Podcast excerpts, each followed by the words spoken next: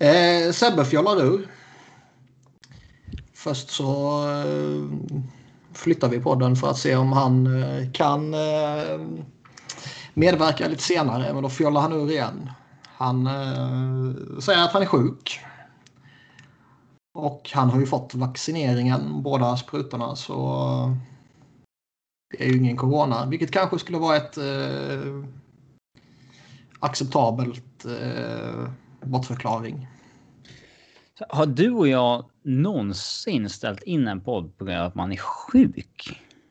Den enda sjukdomen, corona nu är ju liksom, är man riktigt däckad i det så givetvis liksom. Sen är det väl typ rännskitan. Jag skulle inte vilja podda samtidigt som jag sitter på toan och det bara sprutar. Du har ju en laptop, du har inte en stationär eller? Ja, jag har en laptop. Så jag skulle ju kunna göra det. Men eh, jag tror inte att eh, det är någon som vill höra det. Nej, men jag tror jag har spelat in brutalt sjukt några gånger. Men, ja, ja, givetvis. Jag tror bara det är Sebbe som har ställt in för att han har varit sjuk. Ja, gör det inte då då. Lite då och då. Ja. ja, men han gör ju det ju. Ja. När han ställer in så är det ju det är inte så att liksom, han fick något eh, panikförhinder så att det inte funkar rent logistiskt och sånt där. Utan det är ju att oh, jag har feber. Det har jag också gjort någon gång. Kommer du inte ihåg någon gång för typ så här sju år sedan? När eh, du var svinlack på honom. När vi hade... Jag? Eh, ja, exakt. Det hade hänt någonting i fotbollsklubben att du är aktiv i. Ni hade fått ha ett eh, emergency-möte. Som du hade fått lämna tidigt för att hinna till podden. Sen när du kom dit så skrev Sebbe i våran chatt. Kommer om typ en timma. Jag kommer inte ihåg det. Du skrev seriöst? Frågetecken. Och så, så, och så varnade du mig när vi hade vårt Skype-samtal innan att bara så du vet nu så kommer jag säga till, kommer jag be Sebbe dra åt helvete så att uh, vill du inte vara med så får du gå ur samtalet. det kommer inte jag ihåg. Men visst, det låter mycket väl som jag skulle kunna göra. Mm. Nej, det var då han hade fått. Uh, han bodde fortfarande i Arizona då. Han hade fått besked av någon i hallen att de inte skulle få kolla på träningarna längre. Oj. Och hade därför stått kvar och snackat med någon uh, media relations uh, person. Mm. Och det var viktigt att göra det. Därför blev han en timme sen när du hade lämnat ditt möte för att komma i tid till podden. Mm. Taskig, taskig timing att det var just då. För säga, nio av tio andra poddar så är det ju typ lugnt om någon skulle säga att äh, kommer om en timme. Ja. Whatever. Aha, han är lite svinig så Sebbe. Mm. Ställa in för sjukdom. Jag greppar inte det. Nej. Vem har vi ersatt honom med då? Eh, helt sjukt att han inte har sagt någonting ännu. Nej, jag sitter här och lyssnar bara. det är Emil. Also known as Emil. Uh, han är som Cher, han har inget efternamn. Nej. Så uh, Carolina-supporten som många undrat finns på riktigt. det, det, gör han ju. Jag gör mina, jag gör mina framträdanden en gång om året typ. Hur många gånger har du varit med? Tio? Ja, jag skulle väl tro runt 10. Ja, det är nog rimlig gissning. Mm. Det brukar komma så här en förfrågan typ samma dag. Om jag kan hoppa in. Ja, och du ja. brukar inte vara första valet kan vi säga. Nej, det var du fan inte. eh, jag vet inte hur många som av olika anledningar inte kunde idag med kort varsel. Fick nej från Johan Garpenlöv, Rickard Grönborg. Per um, Mårts. Josef Boumedienne sa nej. Uh, Nils Ekman sa nej. Uh, David Prins sa nej. Uh, ja. Niklas Grossman kanske? Nej, han har vi inte frågat. Han måste ju vara med någon gång. Ja, se. Ska jag vara helt ärlig i ett sånt samtal med honom så skulle det ju eventuellt kunna bli lite awkward för honom. Jag skulle inte bry mig. Men uh, det kanske inte är snällt att utsätta folk för det. Nej, man behöver inte vara en jerk. Liksom. Ibland måste man. Mm. Men på tal om jerk. Ja. Jag har inte en creepy övergång till någon. Uh, så de som sitter och väntar sig på någon pornografiövergång uh, får inte den. Men uh, eftersom Emil här och bunch of jerks. Yes. Och eftersom Emil eh, nu är uppe efter midnatt för första gången på några år. Så eh, är det lika bra att vi river av lite Carolina-snack innan han eh, gör en Robin och somnar i podden. Ja, det kanske kommer lite snark ner emellanåt. um, det var ju rätt skoj här under, under kvällen när eh, Keynes twittrade ut typ tre år med Rod Brindamore. Och eh, alla bara förutsatte att ja, nu är kontraktsförlängningen på plats. Och ingen hade minsta jävla aning om att det är treårsdagen från det att han blev coach. Nej, precis. Sen gick det tio minuter och så fick de förtydliga. ja. Men eh, sen skrev ju Elliot Friedman att den är i princip tre års förlängning är klar. 1,8 miljoner. Det är ett dugligt pris. Det är ju seriöst på en sån nivå att... Eh, Något annat lag borde gå in och försöka kapa någon. Ja, inte bara det liksom, men, men att eh, NHL Coaches Association borde liksom gå in och protestera. Säg några är... kända coachlöner då. Är det... Ja, Vigneault fick ju fem i Flyers till exempel. Men Flyers är dumma i huvudet så. jo, visst. Men liksom, jag menar, det finns ju ändå jättemånga eh, exempel på liksom Babsan var över 6 miljoner där och Quenneville har väl Vigneault-pengar nere i Florida och eh, flera av de här stora ligger ju uppe på 4-5 miljoner och kanske till och med, jag tror Cooper har tre någonting bara. Det finns ju en grej i att han inte behöver pengarna dock. Jo, och det kan ju också finnas en grej. Det var ju mycket snack eh, tidigare i veckan i alla fall, eller om det var förra veckan, jag kommer fan inte ihåg.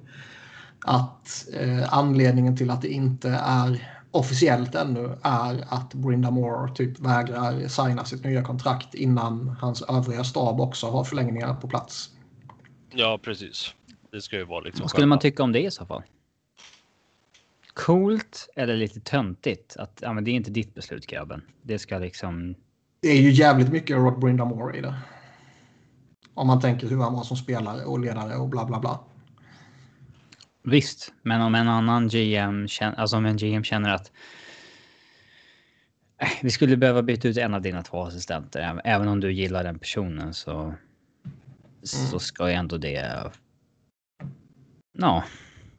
Om det inte har, alltså om inte Rod Brindamore själv i sitt kontrakt har fått uh, säga att um, ska jag vara coach här så vill jag ha full kontroll över vilka som är mina assistenter och eh, videocoach, målvaktscoach och så vidare. Mm. Vi vet ju dock att Tom Dundon är eh, snål av sig i vissa fall. Och oh, ja. att eh, det har ju nämnts flera gånger om att han tycker att eh, coacher och så vidare tjänar för mycket. Så det skulle ju mycket väl kunna vara att alla coacherna har ett kontraktsförslag på bordet men att det är för dåligt betalt enligt dem och Brinda Moore. Ja, det vet man inte. Ja, samtidigt hur många jobb finns det i ligan? Man ska nog jävligt glad om man 32. har ett. Ja, headcoach-jobb ja. Mm. Man ska vara ändå jävligt glad om man har ett. Samtidigt som när Keynes går så bra som han har gjort nu så ja, det här är väl bästa tillfället man har haft att driva upp lönen. Mm. Och sen det, men det där om eh, att ja, något annat lag borde gå in och ta honom. Han har väl själv sagt att han typ ser sig antingen coach i Carolina eller inte coach alls. Eftersom han... Det är ju trams dock. ja, jag vet inte om det är det. Alltså när det gäller honom. Han Visst, han har varit i Carolina sedan 2000. 2000? Ja, något sånt va? Men... Eh, alltså, det är klart som fan att skulle... Inte vet jag. Säg att han blev free agent i sommar och nu Rangers säger kom hit på ett femårskontrakt, fem miljoner per säsong. Eh, eller inte vet jag, Tampa går vidare från John Cooper eller... Det är klart att han skulle kunna lockas av ett jobb någon annanstans. Det är inte så att hans... Att, att hela hans coachingyrke skulle hänga på att han är i den ena plastorganisationen istället för en annan i NHL. Det har jag Nej. jävligt svårt att tro på. Nej, verkligen inte. Han tjänade 52 miljoner under sin spelarkarriär. Så han, visst, han behöver inte pengarna, men alltså ska han vara så jävla grovt underbetald 1,8 miljoner i jämförelse med 4-5 miljoner som många av de andra framträdande har. Det är ju liksom seriöst så att man kan lägga in protester. Liksom. Mm. Det vet vi, det funkar så från spelarfacket att de, eh, de har ett ansvar att driva upp priserna. Liksom.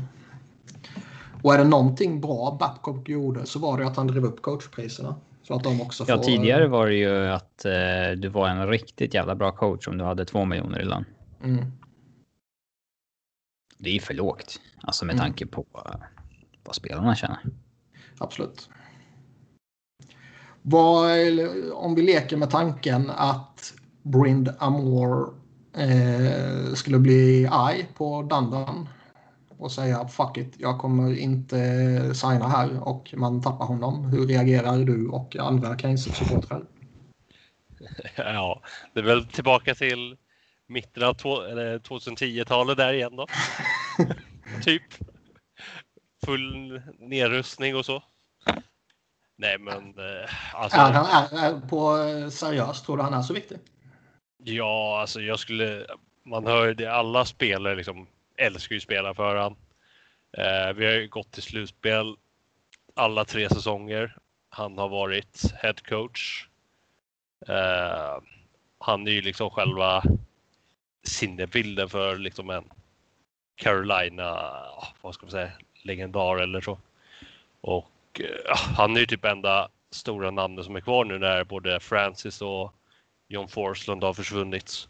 Så är han liksom den sista kvar av de liksom gamla namnen som har varit kvar där sedan, ja, Forslund var ju, ja, typ.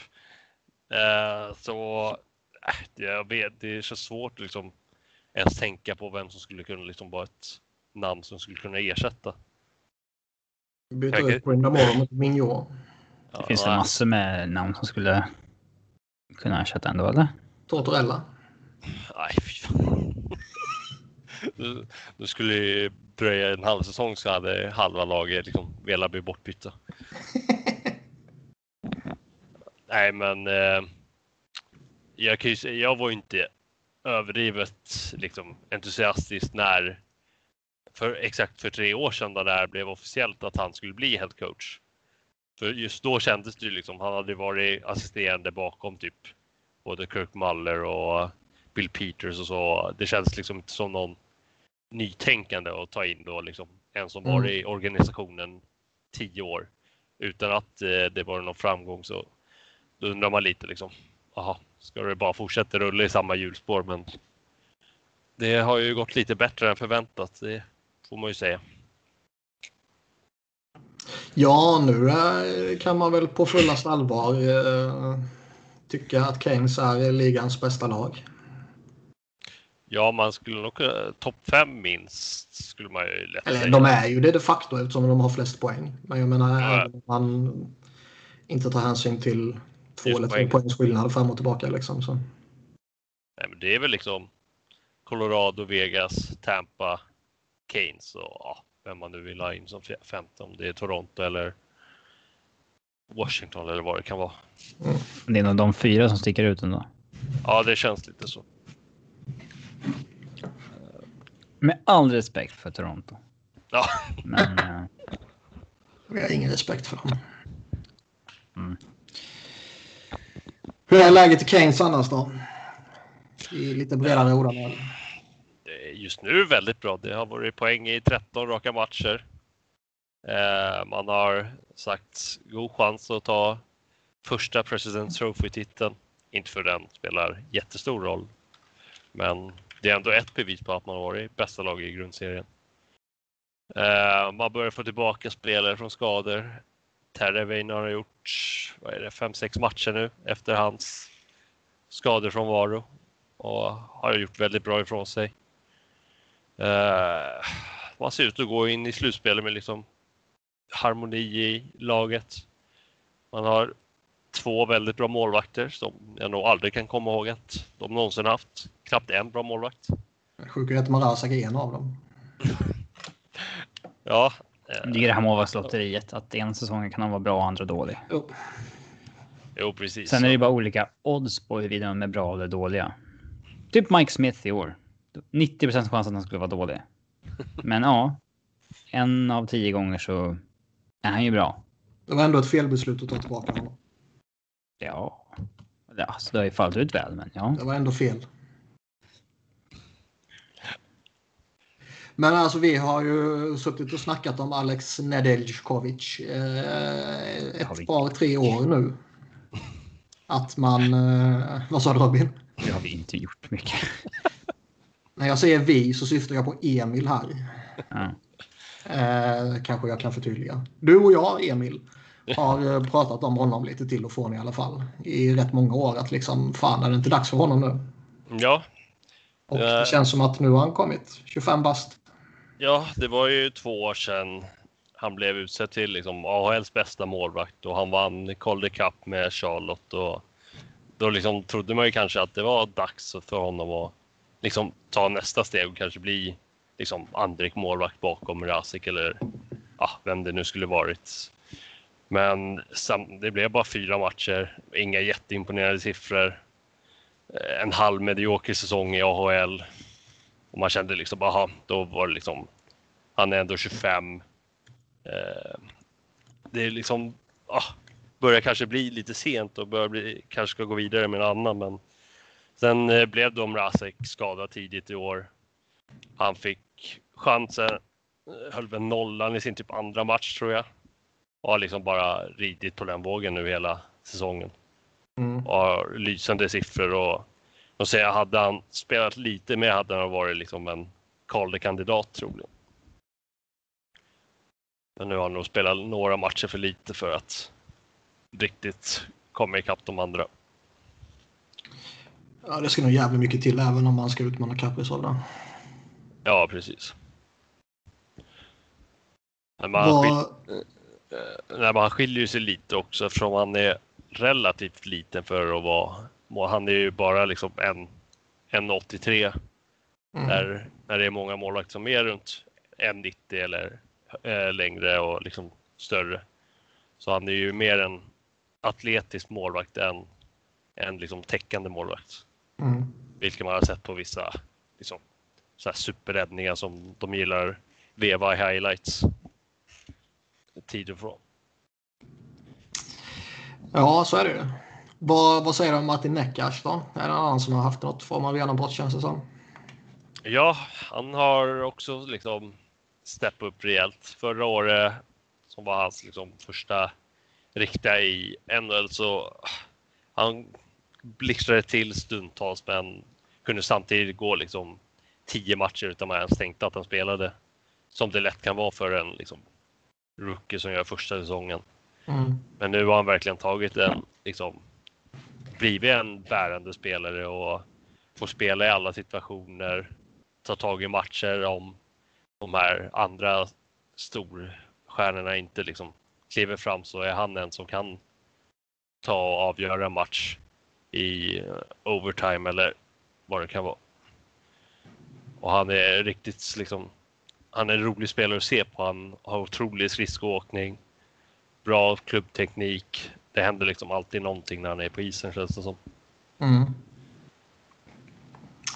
Det som intresserar mig allra mest i Carolina är ju Dougie Hamiltons framtid. Ja, den har diskuterats emellanåt kan jag säga. Ja, jag vill ju att han ska lämna och komma till Flyers. Om folk inte förstod det så var det mycket bra att säga det.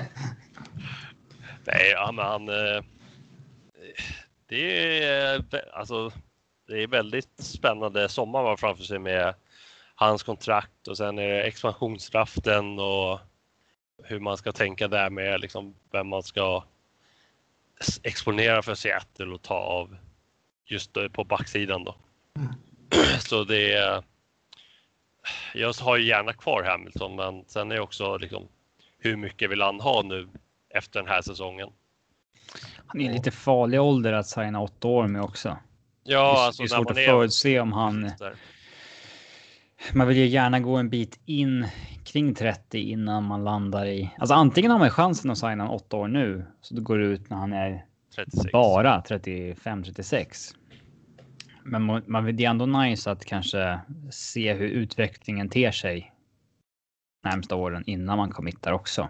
Ja, det kan ju gå väldigt fort som man sett på typ Erik Karlsson och sådana spelare. Liksom, även om de inte är supergamla så. Ja, PK Subban också. Det, ja, det liksom kan ju bara rasa. Ja. Och även fast det inte kanske har sett ut så nu så liksom vet man inte hur det ser ut om två år. Räcker han kommer till Flyers för att han ska rasa. mm. Men eh, det kan ju gå.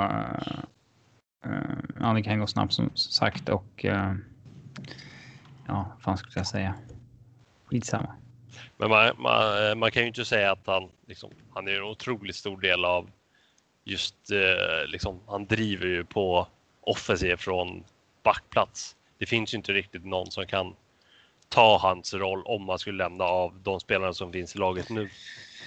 Är Jake Gardner skit nu eller? Ja, han är ju just nu är han liksom healthy trash för det finns ingen plats för för honom. Alltså han. I år har han ju inte varit så värst bra, men förra året var han. Ah, det var väl upp och ner. Han var ju inte mycket att hänga i granen defensivt. Man såg att han hade liksom. Han har ju haft problem med ryggen tydligen och det syntes ju ganska tydligt förra året. Eh, och han inledde väl ganska bra i år, men sen hade han ju en skada från VAR och under den tiden han blev av med sin ordinarie plats. Så just nu känns det inte som han liksom. Han passar inte riktigt in av eh, de backarna som spelar. Så ah, ju, som det ser ut nu när de går in i slutspel om några dagar så kommer nog han inte vara en av sex ordinarie. Mm. Och han kommer nog, alltså han är ju garanterat en som kommer exponeras i expansionsdraften. Även om inte Säter lär ta honom. De eh, kommer ju behöva ta några spelare med pengar. Eftersom de ändå måste upp i, till golvet liksom. Mm. Så det gäller bara att ha flyt så att de tar den spelare man vill bli av med. Ja. Men nej, med tanke på att han kommer från en rätt sunkig säsong. Eh, ska det nog ändå rätt mycket till kanske. Ja, diskussionen är ju ofta att ja, säga att Hamilton inte har förlängt och man protectar eh, Pesci och Slavin. De är ju självklara. Mm. Då har ju frågan varit om man ska protecta Jake Bean som är liksom, var han 22? Eh, liksom på väg uppåt, gör sin första liksom hela säsong. Eller om man ska protecta Brady Shea som kanske är lite bättre men äldre och dyrare. Och då liksom funderar man om man protectar bin är Skay kanske lite för dyr för att ta, men samtidigt kanske han är liksom tillräckligt bra för att ta. Mm. Och skulle man bli av med både Skay och Hamilton samma sommar, då är det liksom två eh, riktigt viktiga backar man ska ersätta då. Som man kanske inte har inom organisationen liksom för båda två. Mm. Så det är, det är väl största liksom bekymret nu inför Seattle draften i sommar. Beroende på vad som händer med Hamilton. Då. Mm. Hur är känslan inför slutspelet då? Jo, men den är, alltså, den är positiv. Det kan jag inte säga något annat om.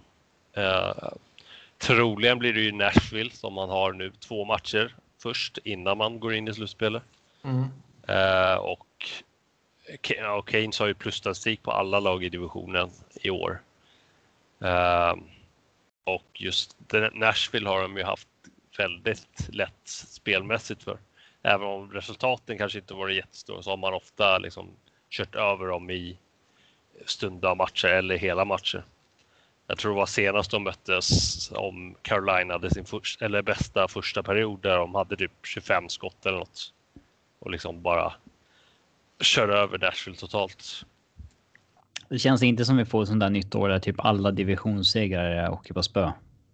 Nej, inte det där wildcard-året, nej. Nej. Men säg del om hur random hockey är. uh, nej, det, alltså Keynes borde ju vara klara favoriter oavsett om det blir Nashville eller Dallas.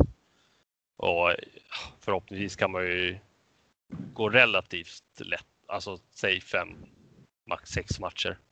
Det borde inte behövas som sju. Föredrar du något av lagen då?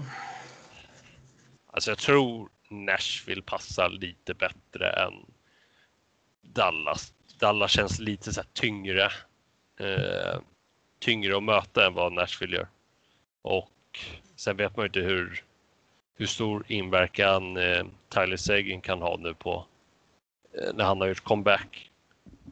Om han liksom kan få en positiv in, inverkan på hela laget och att en nyckelspelare är tillbaka och kanske spelar lite bättre än vad de har gjort under säsongen. Mm. Så jag tar nog hellre Nashville. Har du mer du vill säga om Keynes innan vi går vidare? De är bra. Det kan jag säga. God analys. eh, från a bunch of jerks till en annan jerk. På ett oskönare sätt. Eh, ja. Eh, den stora grejen de sista dagarna har ju givetvis varit Tom Wilson och eh, New York Rangers. Vi, vi börjar väl med Tom Wilson och sen så kommer vi så sakteliga gå över på allt som har hänt kring Rangers och fan vad det är grejer.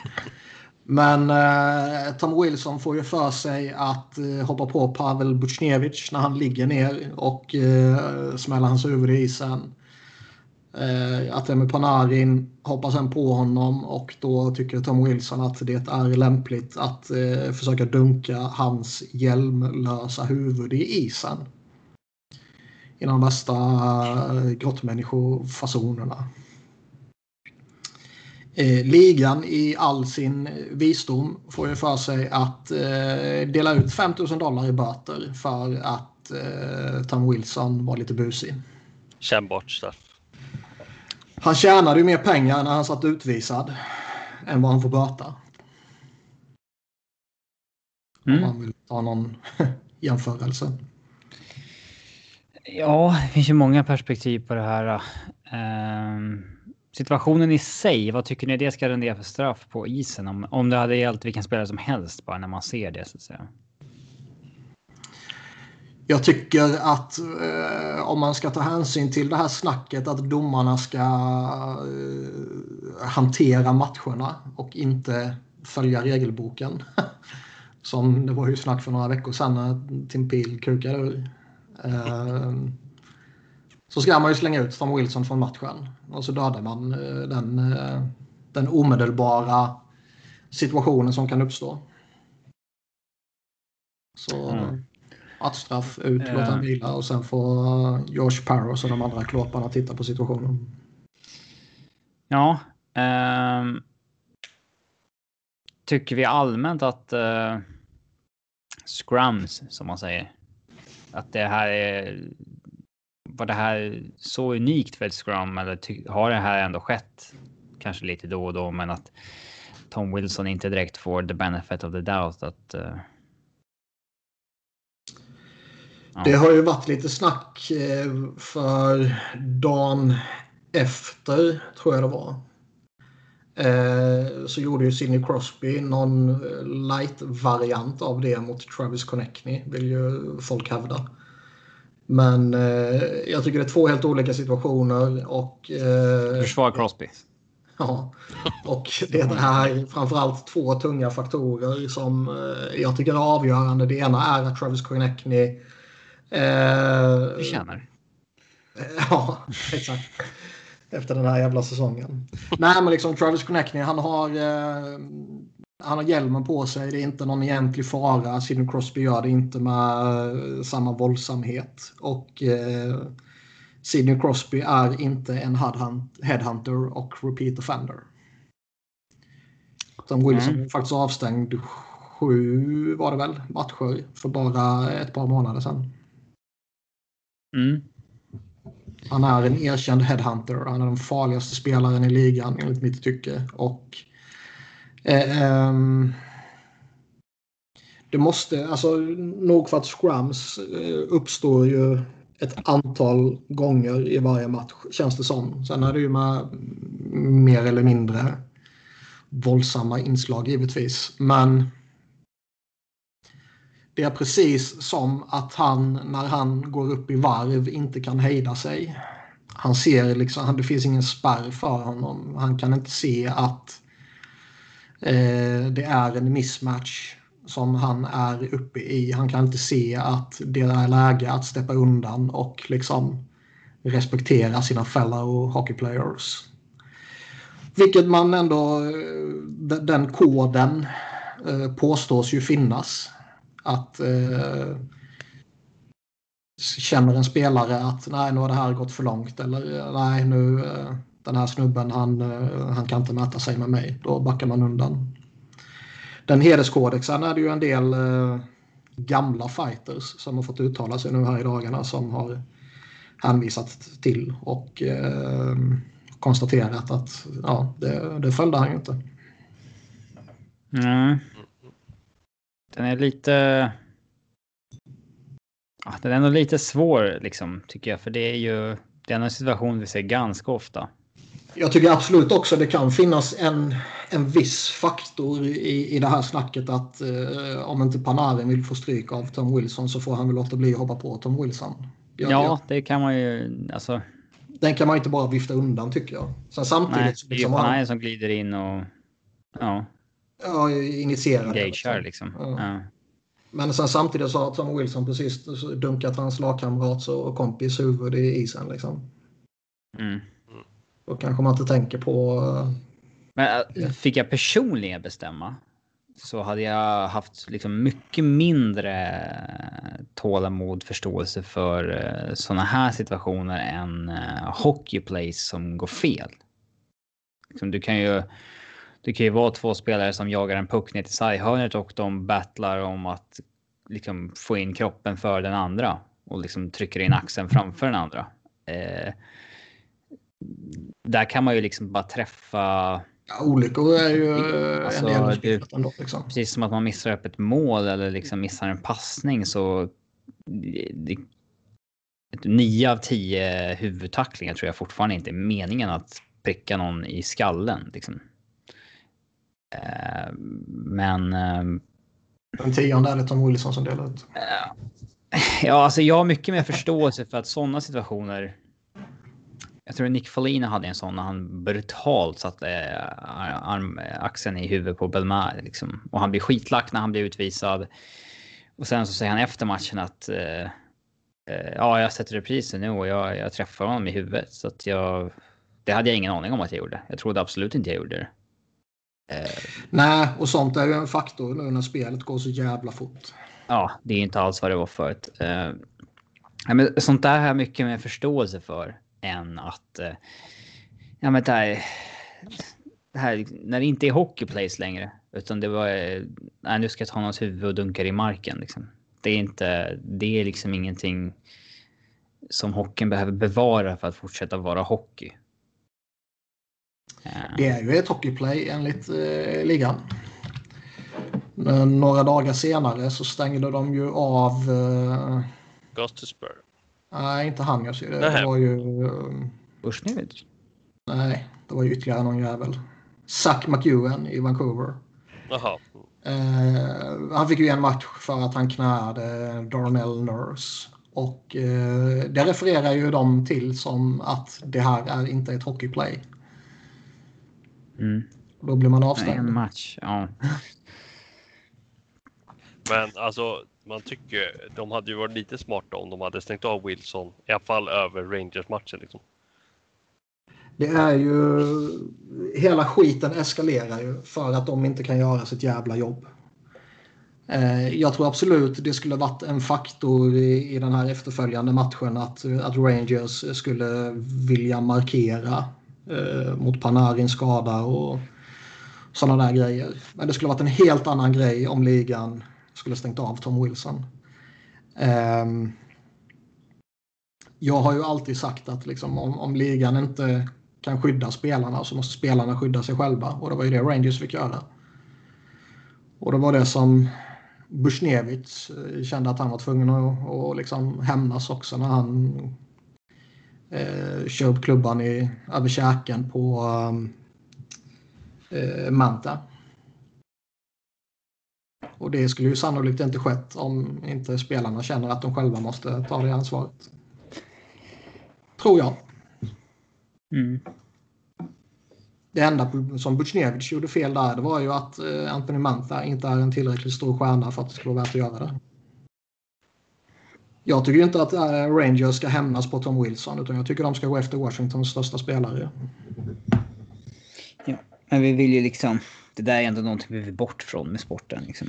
Jag vill absolut inte att det ska vara så. Men när ligan inte kan göra sitt jävla grundläggande jobb så måste spelarna göra det själva. Och eh, om ligan anser att öga för öga-metoden är okej, okay, vilket de ju då anser med deras aktioner eller icke-aktioner, så är det väl okej okay att spelarna gör upp då liksom. Ja, men det kommer vi aldrig, alltså det systemet kommer ju aldrig fungera. För spelare är dumma i huvudet. Alltså, ja, jag håller med. Det är ju därför det är så viktigt att... Det är därför vi ser spelare som ska fightas efter en clean hit. Och ja. liksom, för att de kan ju inte där och då bedöma vad som är cleant och inte. Och vad som är ja, inom hockeyns liksom tillåtna... Ja, det, är därför det, är så, det är därför det är så viktigt att domarna dömer enligt regelboken. De tar de utvisningarna som sker, vilket vi de facto vet att så är inte fallet. Det, det blev ju jätteuppenbart bara här för några veckor sedan när de, det blev liksom jättemycket uppmärksamhet om att de, de ska hantera matcherna och inte döma utefter regelboken för att det ska vara rättvist. Liksom. Skulle de göra det, ta rätt saker hela tiden samtidigt som Department of Player Safety faktiskt eh, gör sitt jobb på riktigt och inte använder sig av någon jävla tombola. För det, det är ju helt sjuka grejer som de... Alltså de är så inkonsekventa så det finns ju inte ibland. Mm. Och det blir ju man, man, kan, man kan ju inte ranta om liksom själva bötesbeloppet i sig för det är ju fastslaget i CBA. CBA så där kan de ju inte ge mer om, om de så skulle önska. Liksom. Men det blir ja, hade han blivit avstängd så hade han ju forfeitat ganska rejält med lön. Som han har fått göra. Det är ju kännbara löner. Eh, som han har fått ge upp förut när han har varit avstängd. Ja, Shane Gostisbehere eh, dagen efter eh, crosscheckar ju Ehm, Mark Friedman i ryggen när han har gjort mål i tom kasse. Så att han tappar balansen och eh, dundrar in i sargen och så blir det ju en boarding då liksom. Det får han två matchers avstängning för och eh, får då samtidigt böta 75-ish tusen dollar. Mm. Så det skulle ha varit bättre för Ghost och slita av honom hjälmen och dunka huvudet i isen. Då skulle han fått 5000 dollar i böter. Ja, men där har vi ett problem det här med att så länge det inte blir en avstängning så blir bötesbeloppet. Eh, alltså det är en pissumma liksom. Ja. Jag tycker att Ghost förtjänar avstängningen. Jag tycker att den som isolerad situation absolut är liksom värd en, två matcher och något sånt där. Eh, mm. Det, det patetiska är ju att han stängs av för en sån liten skitgrej som det ändå är.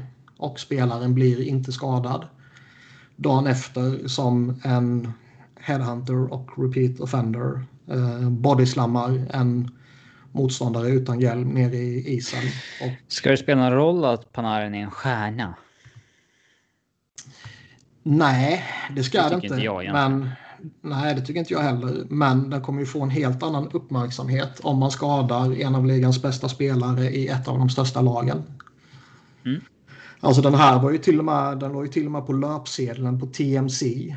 Alltså den här stora kändisskvaller sajten. Nyhetssajten. Liksom. Och man vet ju att det är enda gångerna som NHL får nationell nyhetsbevakning. Det är ju när det är någonting som har kukat ur fullständigt. Ja. Den här fick ju jättemycket uppmärksamhet den här situationen. Mm. Och liksom, det, fin- det, det är två saker som de brukar ta hänsyn till när det är ta, på tal om avstängningar. Det är ju, är det en repeat offender eller inte? Blev spelaren skadad eller inte? Här är det en repeat offender och Panarin missar de återstående matcherna på säsongen. Jag tycker det är helt jävla obegripligt hur han inte kan bli avstängd. Däremot tycker jag ju liksom det, det, går ju till, det kan ju gå till viss överdrift när man liksom slänger ut honom ur ligan som folk på fullast allvar eh, brölar om eller eh, stänger av honom nästa säsong eller halva nästa säsong eller sånt där. Det, det är ju att ta det till överdrift. Ja, så illa är inte den här kanske. Men det är ju mer att folk är så jävla trötta på att det alltid är något nytt med honom. Ja, och han läser ju inte heller ju. Alltså, Nej. Under matchen står han och, och flexar sina muskler i någon jävla machotrams liksom. Och eh, i den efterföljande matchen så står han och skrattar och, och sådär när, när skiten briserar liksom. Och eh, ytterligare någon dag senare så har han intervjuats och då förklarar han ju sig liksom att ah, jag förstår inte vad det är som har gett sån uppståndelse. Liksom. Och Washington fortsätter att försvara honom och måla upp honom som någon form av jävla offer. Så snubben kommer ju inte lära sig. Och det, det, är ju i ärlighetens namn bara tur som gör att Panarin eh, liksom inte dunkar huvudet i isen och typ krossar skallen. Liksom. Det hade varit mycket intressant att se vad som hade skett med situationen om Panarin blir eh, liggande där och man bara ser en blodpöl bildas. Mm. Då hade det varit jävligt intressant att se vad som hade hänt med eh, avstängning och den biten. Alltså hur, hur, vad för skillnad det hade gjort. Hade han liksom suttit 20 matcher då? Eller? Eh, för det, det gör ju egentligen ingen skillnad tycker jag. Alltså det ska inte göra någon skillnad. Nej, men vi vet att det gör det. Mm. Och eh, vad var det jag skulle säga? Jo, Matt Cook höll ju på med mycket jävla skit också. Men där tog ju faktiskt Pittsburgh eh, ett ansvar och eh, snackade allvar med honom. Och så det sin... gav ju effekt även om han hade något återfall. Det gav effekt. Eh, Caps bara fortsätter att eh, ignorera att man har eh, en eh, extremt farlig spelare som man bara släpper lös. Mm. Jag, ty jag tycker fan det är obegripligt. Och sen ser man lite vad som följer upp eh, här eh, efteråt också. Alltså då, allting som bara eskalerade skulle de ju undvikit om de bara skulle stängt av Wilson en match eller två. Mm.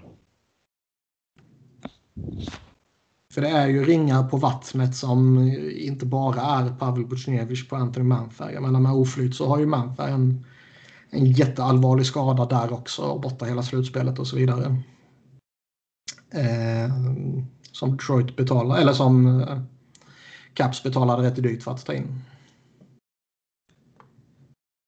Och i förlängningen så kan ju det här eh, eventuellt ha getts rätt stora följder för Rangers också. För de, eh, de körde ju ut ett rätt saftigt statement där de kräver George Parros avgång. Vilket ju är eh, tämligen unheard of. Ja, det var ett rejält statement. Eh, ja, jag kommer inte ihåg eh, exakt ordagrant vad San Jose sa när eh, Rafi Torres blev avstängd i sina 40-ish matcher. Men ehm,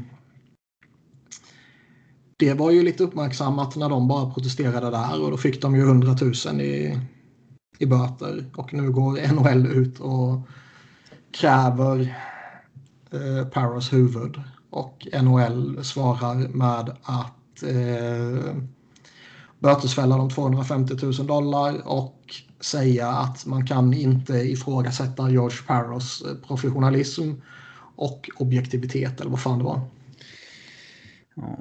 Sen jag, tror, ju, alltså, jag tror det var snarare hans inkompetens som de ifrågasatte, inte hans professionalism eller objektivitet eller vad fan det var. Sen tycker jag ju inte att det ska vara... Alltså lag ska ju inte... Det ska vara böter på om lag går ut med sådana där statements liksom. Det, det, ska, det ska inte funka. Alltså så ska man inte hålla på. Det är ju ett... Uh, det är ju som att en supporter har skrivit till dig. Ja, det är ju eh. Nolan. Så jag menar, det är en jävla galning som har gjort det. Eller Dolan, inte Nolan. uh, så att så kan vi inte, alltså så kan vi inte ha det heller. Att så fort ett lag inte har fått en avstängning med sig eller en spelare i sitt lag har blivit avstängd som de inte ger, alltså att man går ut med statements likt det där varje gång. Alltså så kan vi inte börja ha det om de skulle tillåta. Eh, Nej, om, om, de bara skulle tycka att ja, men det här är okej, då skulle ju alla lag göra det för att visa att vi backar våra spelare också. Och så, ja, men, så kan vi inte ha det liksom. Nej, jag kan hålla med om det, men jag vill ändå se det och det var ändå skoj. Um... Och återigen, det skulle inte skett om George Farrows och company skulle gjort sitt jävla jobb. Mm. För de är, ju, de är ju objektivt ja, det... är de ju dåliga. Ja, The Popular Play Safe är ju på i princip all time low i, mm. uh, i uh, förtroende. Ja, men det fick mycket skit. Jag har alltid fått mycket skit liksom. Under Shanahan-åren, Quintal-åren och sådär. Men eh, det var ju mycket bättre då än det nu.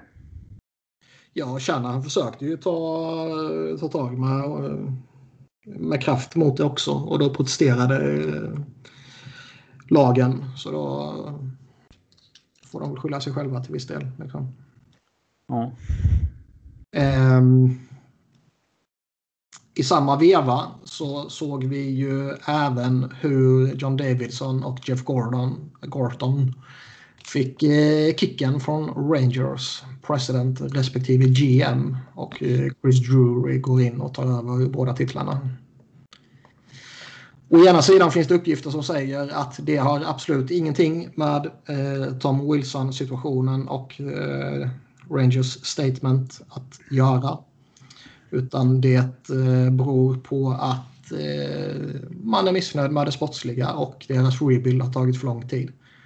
Å andra sidan finns det också uppgifter som säger att eh, de här två hade tagit avstånd från lagets statement och sagt att de står inte bakom det och de visste inte om det här förrän det hade kommunicerats ut. Och... Eh... Det kan ju vara sant i Gortons fall, men att John Davidson inte skulle ha känt till det. Det vore jättekonstigt. Så vem känner bara att man kör ut det där på egen hand? Ja, det är ju bara ägaren som kan göra det utan att någon annan känner till det. Och nog för att Dolan är eh, trigger happy och känslosam och, och liksom även om han kanske inte är lika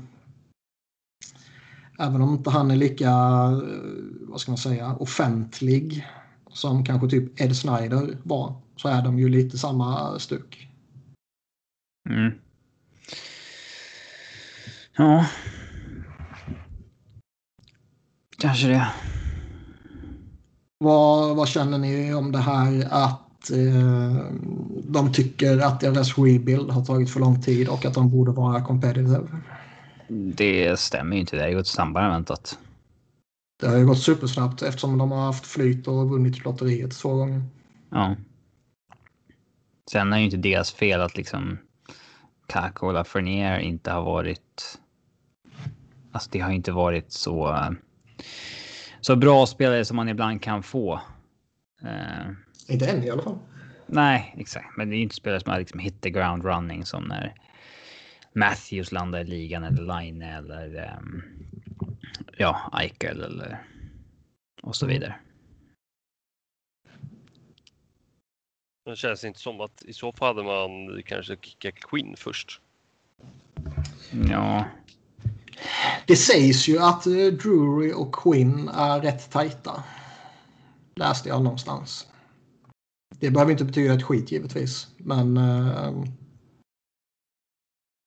det är ju som vi säger och som man märker och som man hör lite då och då att eh, om en ny GM, det första han gör är att sparka sin coach så eh, bränner han kanske ett av sina kort som man kan spela ut senare väldigt, väldigt tidigt och frågan är om man vill göra det.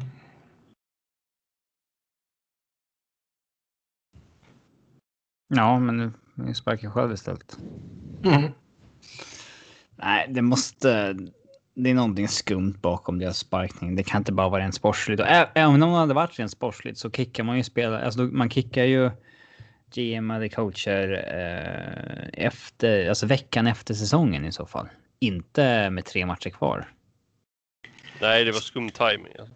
Ja, där sägs det väl att anledningen till att de gör det nu är för att Rangers ska ut på en uh, bortaturné här under avslutningen och uh, man vill låta Drury som tar över nu då um,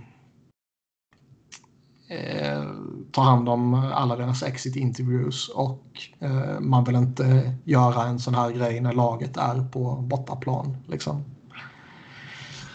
Eh, det kan man tycka vad fan man vill om, men eh, jag tycker väl inte att det är eh, argument nog. Man kan vänta med det här en vecka utan att någonting eh, mm. förändras liksom.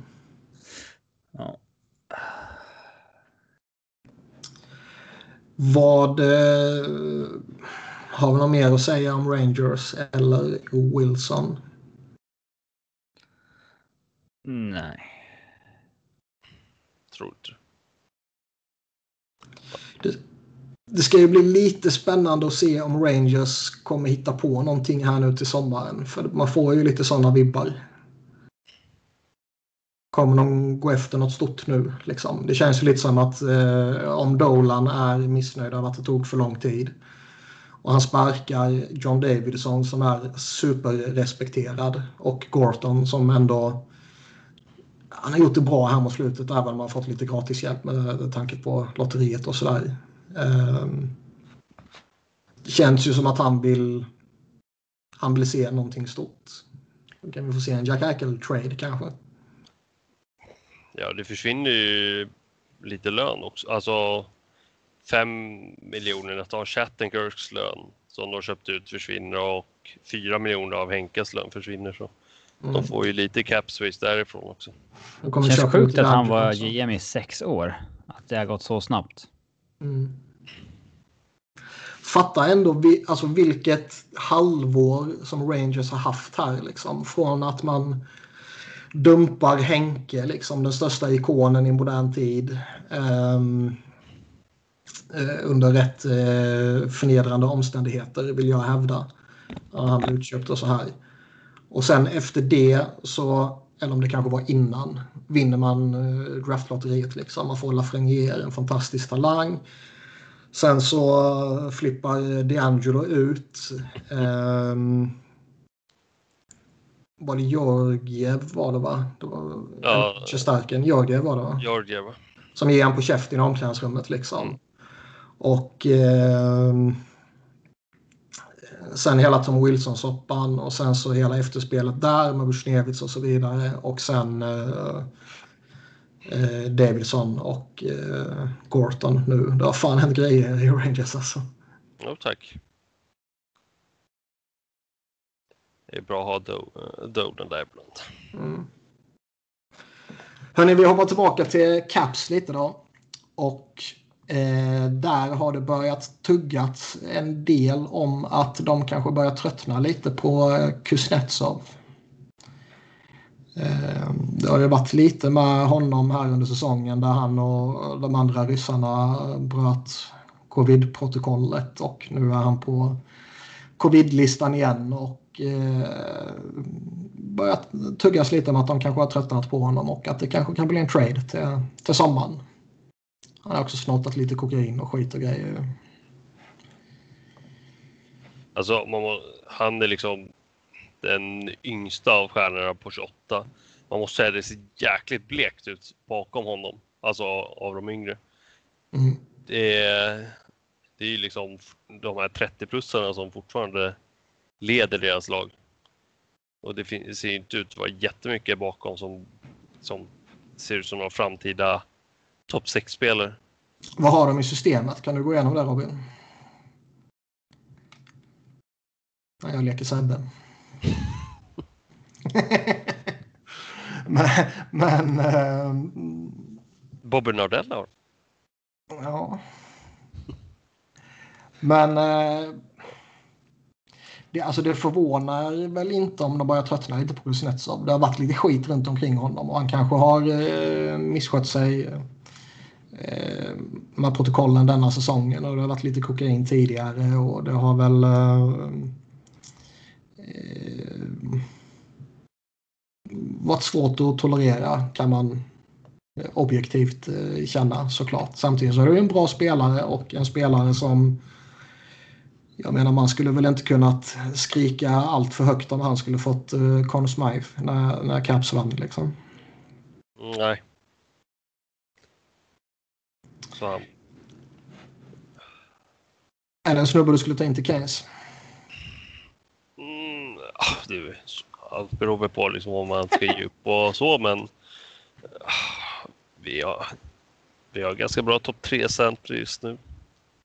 I alla fall över nästa år så men visst, alltså man kan ju inte liksom se bort från hans talang och så. Men eh, just, just nu otroligt nog så har ju inte Keynes superbehov av en center. Nej, det var inte så jag menade. Nej, nej, jag förstår. Men eh, nej, det är svårt. Det måste vara ett lag som dels kan ta in hans lön och dels kan ge upp det Washington i så fall vill ha i utbyte. Man okay. undrar ju om de kommer slå en signal till eh, Ronnie F i Seattle. Ja, det kan de mycket göra.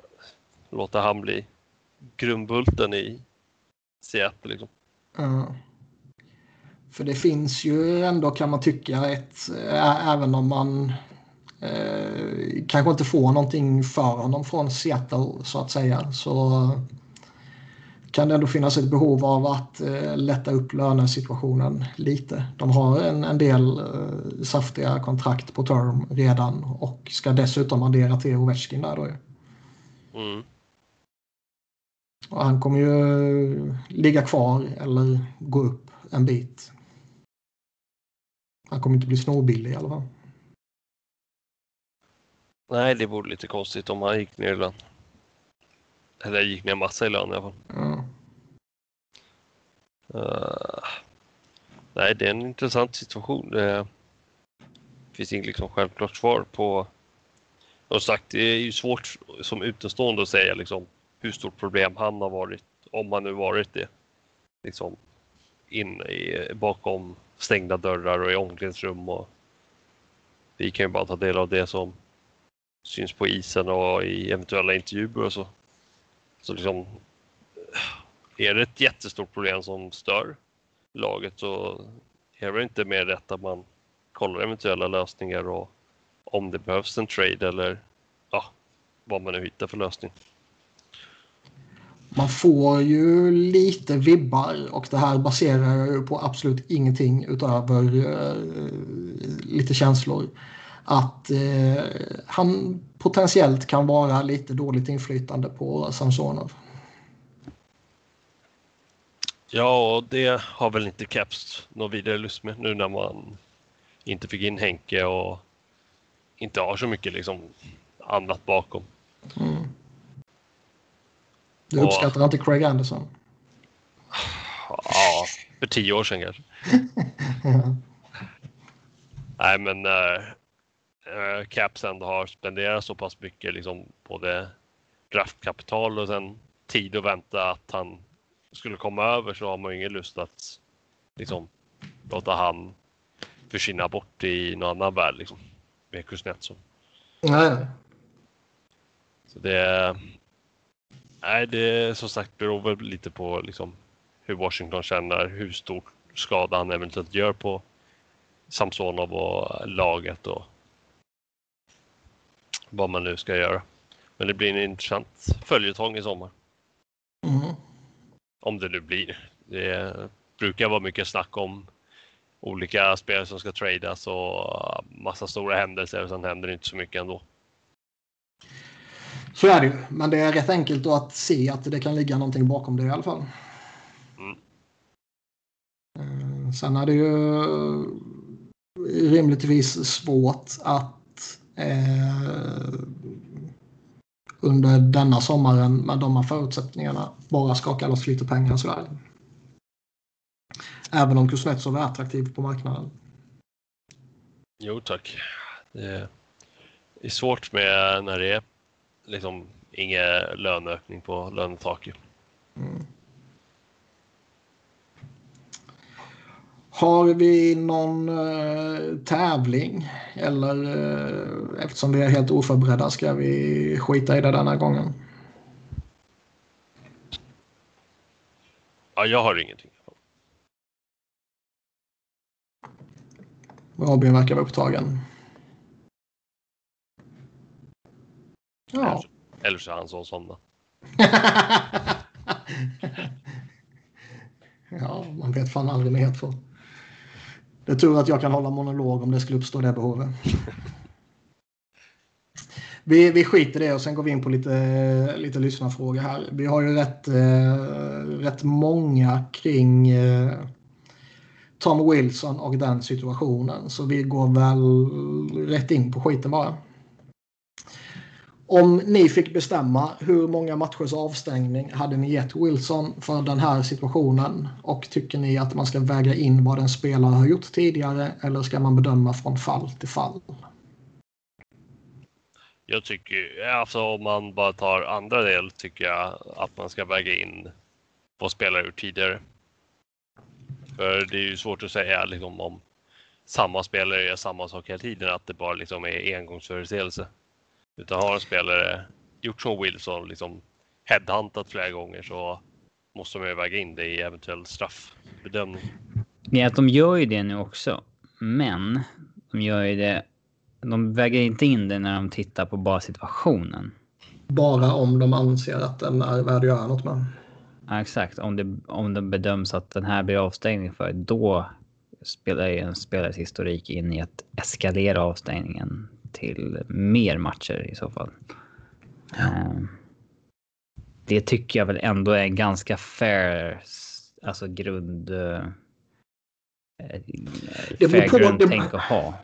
Det, det kan ju bli problematiskt. Jag tycker, ja, jag tycker det är olika från situation till situation också. Alltså, eh, är det ett Eh, alltså är det en situation som vi pratade om tidigare som kanske mer är liksom lite olycka eller lite fel timing för att det går så jävla fort.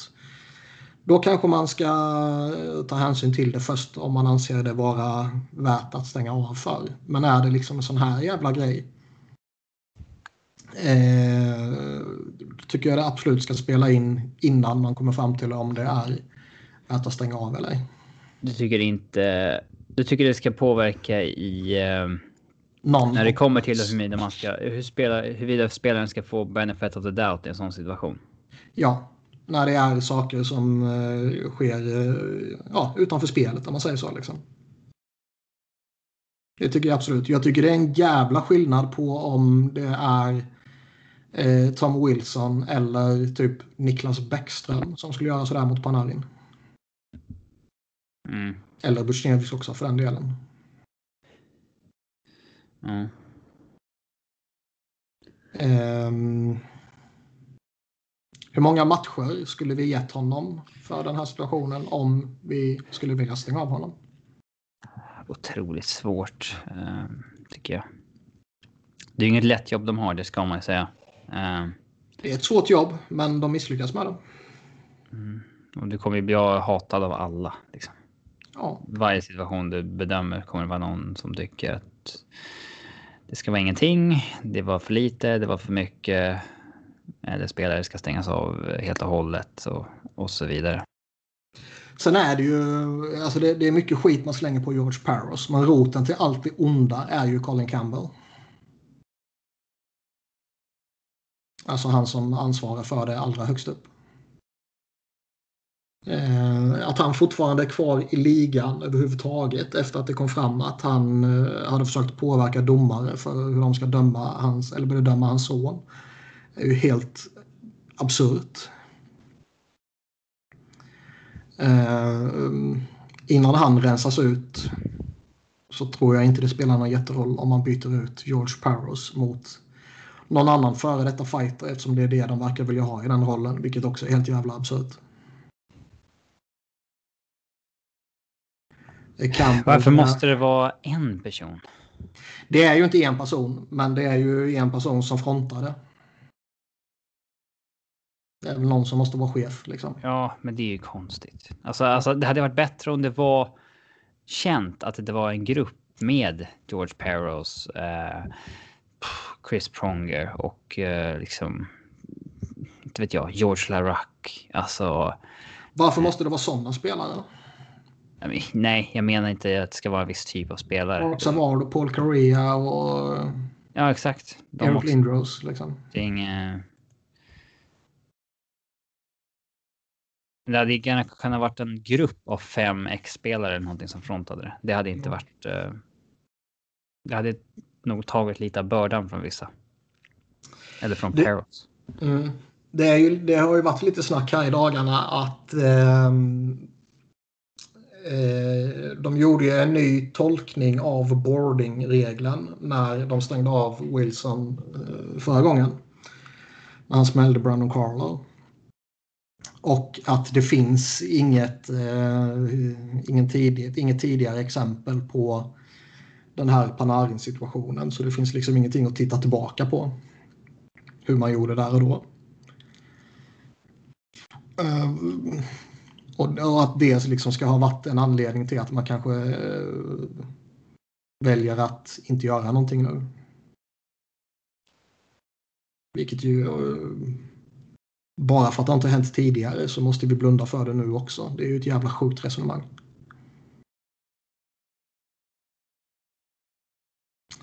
Men vi går vidare. Nästa fråga. Jävla clownliga. Ta en timme och bara hata på den här jävla skiten. Det har vi typ redan gjort. Vi snackade lite. Vi hatade lite på Sebbe. Och sen så snackade vi lite Keynes. Och sen så... Vi vet ju inte vad det här gäller för övrigt. Men vi antar. Ja, det kommer ju... Jag läste inte hela frågan. eh, vad hindrar egentligen Rangers från att sätta in en värdelös AHL-spelare och ge honom uppgift att knäcka klubban i ansiktet på Tom Wilson? Spelaren stängs av på livstid. Rangers kanske får böter. Wilson får gå i förtidspension och alla är glada och lyckliga. Um, jag tror ju absolut att det finns en risk i um, genom att inte hantera den här situationen att det blir ännu mer tydligt att att lagen känner att eh, det var fel att börja fasa ut våra fighters. Vi behöver ta tillbaka dem. Och det finns absolut många, många, många supportrar som vill se det. Det finns jättemånga som går igång på fighter och så vidare. Men personligen tycker jag det är fel väg att gå. Jag tycker det är rätt att fasa ut dem. Liksom. Vill man se fighting kan man gå på boxning eller MMA eller någon sån jävla skit.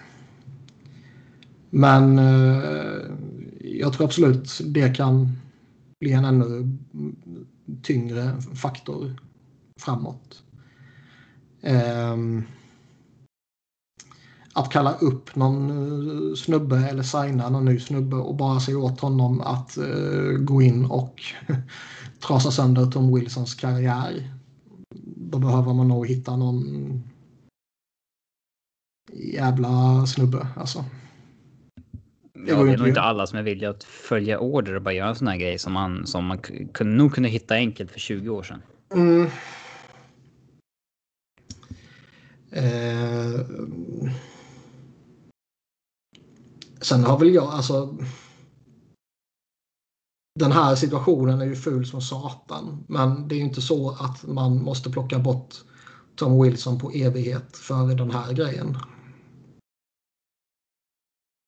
Skulle han knäckt huvudet på Panarin? Skulle Panarin eh, eh, bli riktigt allvarligt skadad eller värsta tänkbara scenario att han till och med dör. Liksom. Då ska ju Wilson eh, bort. Liksom. Då har han förbrukat all rättighet att vara i ligan. Men eh, för den här situationen så är det ju att överreagera. Och då hatar jag honom passionerat.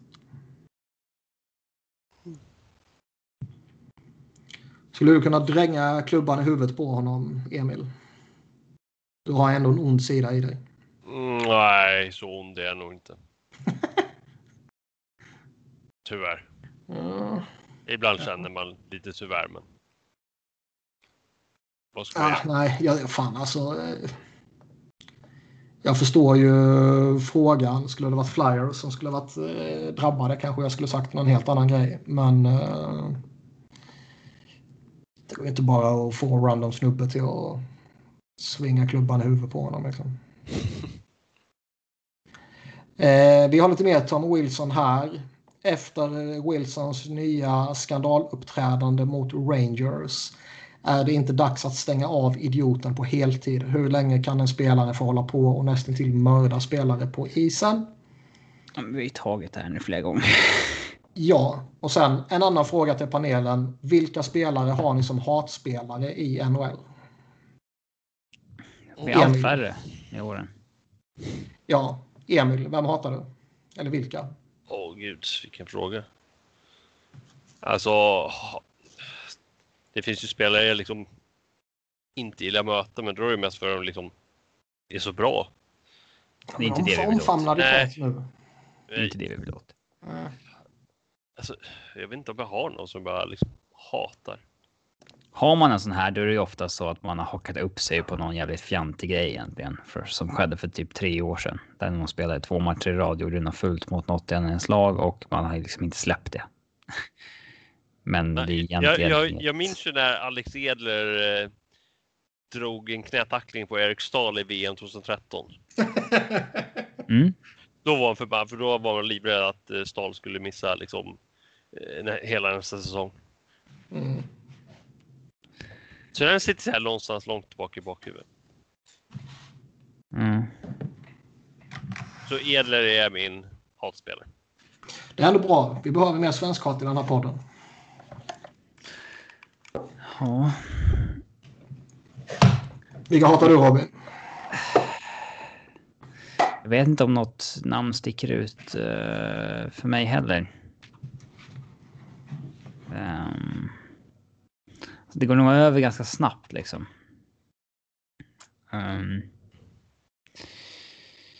när man har mött vissa lag som har haft vissa spelare som det är så här. Eh, det, fram, alltså man stör, jag stör mig mer på spelarna som liksom. Vad gör de ens i ligan? Liksom, de fyller ju ingen funktion alls för motståndarlaget. De åker ju bara runt och beter sig som svin och det är liksom deras jobb. Typ Michael Haley när, när Sharks hade honom som i slutspelsrundan mot Avs. Och det var så här, de spelade honom för Jonas Donskoj bara för att de tyckte att det var värt att han skulle åka runt och bete sig som ett svin. Mm. Och det är så här, ja, de spelarna vill man ju, ja, de vill jag inte se liksom. Um, men eh, nej, jag har nog ingen som är liksom aktuell nu. Um, det borde man kanske ha utvecklat under den här säsongen när man har mött samma lag så många gånger. Men det har inte riktigt uh, framkommit någon sån för mig mm. i alla fall. Många av mina har väl slutat. Eh, jag, jag, I princip alla som har en orange tröja på sig hatar jag ju denna säsongen. Jag, jag tänkte ta upp det där. Eh, men uh, många har ju slutat liksom. Tom Wilson är absolut en sån här snubbe. Jag har ju sagt det många gånger liksom, att när, när man möter Caps så är det inte Ovechkin eller eh, Backström eller Kuznetsov jag fruktar att möta. Det är ju Tom Wilson. För han kommer, eh, sannolikheten att han kommer göra något fult är liksom så pass hög som man är skraj för honom. Um, Malkin känner jag ett djupt förakt för. För han är, han är nog den, den spelaren i ligan som är fulast utan att få den uppmärksamheten. Det är mycket skit han har gjort genom åren. Det är armbågar och det är sena smällar och det är fan och usch. En sån bra spelare ska inte hålla på med sånt skit bara för att han är frustrerad eller ledsen eller arg eller vad fan som helst. Liksom. Ledsen? Ja, men för att det går dåligt eller någonting. Mm. Eh, random spelare i Islanders hatar man.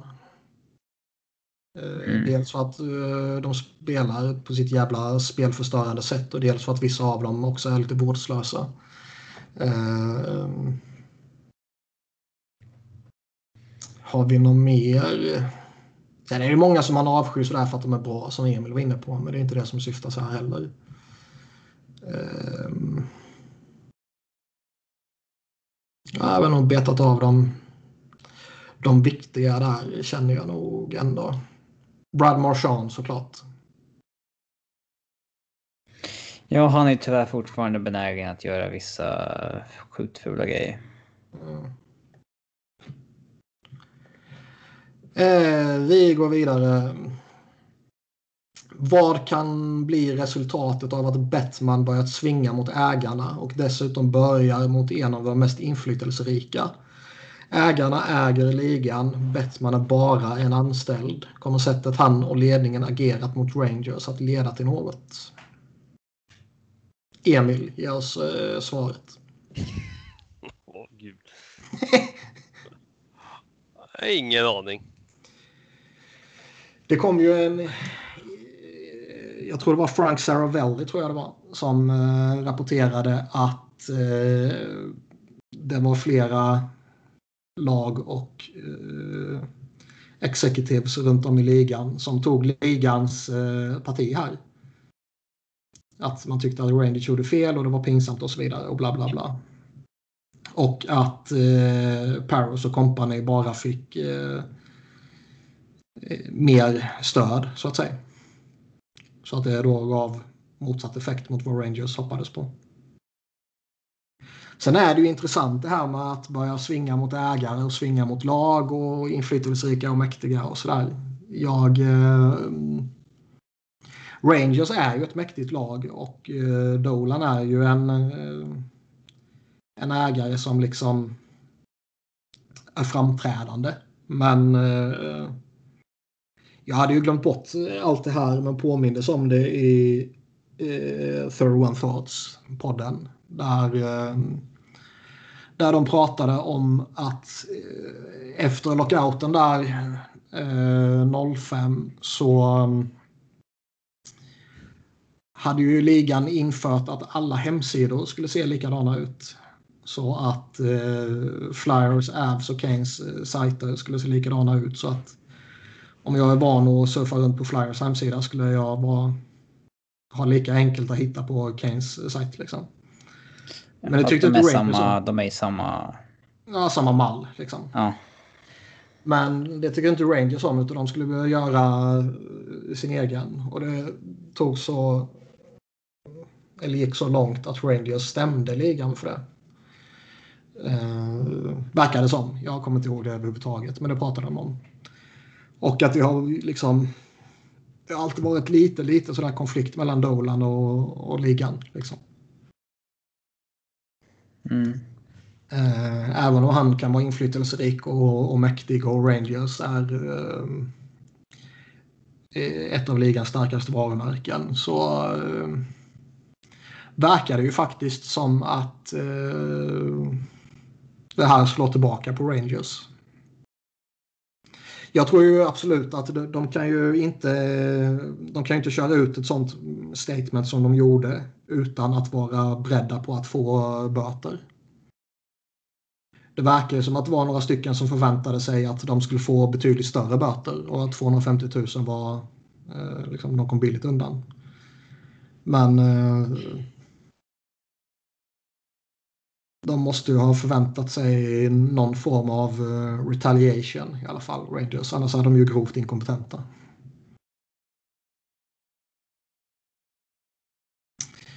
Nästa fråga. Bör Caps göra sig av med Wilson? Och tror ni de vill det? det måste börja bli rätt tröttsamt för dem att hålla på och behöva hålla på med honom. Snart så kommer ju den där Raffi Torres avstängningen att komma. Mm. De verkar inte trötta på honom alls. Nej. De verkar ju uppmuntra honom. Och den där Ref Torres-stängningen kommer säkert alls snart. Som det känns. Ja, alltså skulle han göra en brutal grej till nu, alltså en till Oskar Sundqvist tackling, då, då jävlar tror jag så att då. Då uh, han är nog. Han är nog ett jävligt short leash ändå. Han kanske har ett short leash eh, från ligan så, så, så tillvida att det kan bli en lång avstängning. Men eh, Caps eh, utåt sett visar ju noll eh, frustration. Det, det såg man ju på deras tweet som de la ut efter det. Ja, det är också så jävla osmakligt. det försvann ju ganska fort, men, ja, men den det, finns kvar. Ja. Jävla idioter liksom. Det, det, det borde ju också blivit bötfällt liksom. På samma sätt som uh, Rangers får böter för att de kör ut sitt statement så borde en sån jävla idiotgrej kunna bötfällas också. Jag tycker överlag att uh, alla lag som håller på att twittra massor. Jävla trams. Som, uh, som Emil, Carolinas Twitterkonto är ju superaktivt med massa skämt och grejer. Jag tycker jag är så trött på sånt. Äh, så länge det inte liksom är så värst provo provoaktivt så kan jag inte säga att jag bryr mig. Alltså, jag ser hellre att de har nu som de har nu än vad de hade för typ 6-7 år sedan där de knappt skrev om matcherna. Men jag förstår vad du menar. Jag kan ibland irritera mig mer på eh, när lagen ska rapportera varenda jävla liten sak som sker. Ja, det är därför man bara följer man följer inga lag på, på, på Twitter. Nej, nej, jag följer bara Flyers liksom. Jag tycker inte de är så värst överdrivna på det. Men eh, samma sak med liksom journalister. 20 journalister på matchen och varenda jävla journalist ska rapportera varenda jävla situation. Flyers to the powerplay. Ja. 1151. Sådär. Ja. Det, Sen, det... Har ni inget... Är ni inte där på matchen för att ni ska göra något vettigt? Liksom? Ja. Det, det ser man ju speciellt på så här, typ Toronto-matchen. Mm. Då är det så här 20 stycken skriver samma sak om att någon har lämnat isen. Eller... Oh, oh, oh. Live i podden får vi en Tom Wilson-skada. Fan, jag har inte läst något om det. Nej, jag säger det helt live. Oj, oj, oj. Jag såg inte riktigt vad som hände, men han och, och Kubel verkar eh, krockat på något sätt. Det här är, är ju... Är det livstidskontrakt? Oh ja. Och Tom Wilson ser ut att ha ont. Nu måste jag twittra här lite bara. oj, oj, oj. Ja, det är knä mot knä. Knä på knä på knä. Ja. Viker sig bakåt. Fan, det är fan första gången man ser en sån där och liksom tänker lite för sig själv att fan hoppas det gick riktigt illa. det, fullt, fullt ärligt så är det, han är nog den enda spelaren i ligan som uh, man kan uh, önska en skada på. Inte så att han liksom... Uh, man kan ju vara ärlig och säga att ska man gå i en slutspelsserie emot ett visst lag så har man inget emot om en spelare blir skadad. Alltså som en, oh, en stjärna. Nu ska, inte, nu ska inte jag spela slutspel mot, mot Caps liksom. Men eh, han, eh, han förtjänar att bli skadad på, baserat på allt han har gjort. Mm. Jag hoppas knät är åt helvete. Brinn i helvetet. Ja. Sen vill man ju inte att han ska få liksom bestående hjärnskador och sånt där. Det är ju lite överdrivet. Ehm, men ett sargat knä, absolut. Ja, det är precis lagom. Nu skrev Emil i chatten här att uh, han hoppas på ännu värre grejer. Varför vågar du inte säga det för?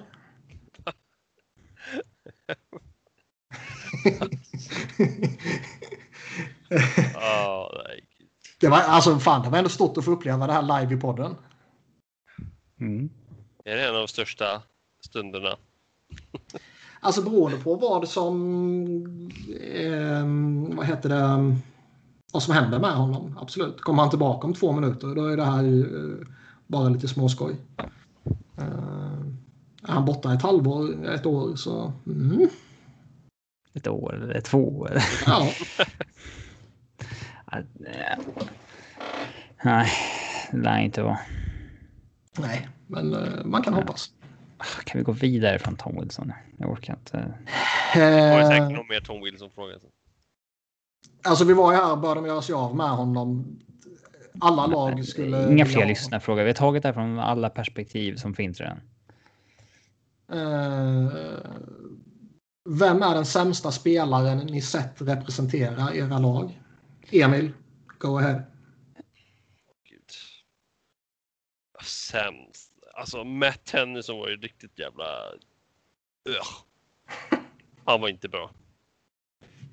Sen om han är så här extremt sämst, det vet ju inte. Alltså det kan ju säkert vara någon som bara gjort liksom, en match. Men han, han var ändå liksom ordinarie en halv säsong typ och var ju bara bedrövlig mest hela tiden. Så. Mm. Robin, vad har varit för skräp i Avs? Um, Greg Sanon är den sämsta spelaren jag sett i Avs.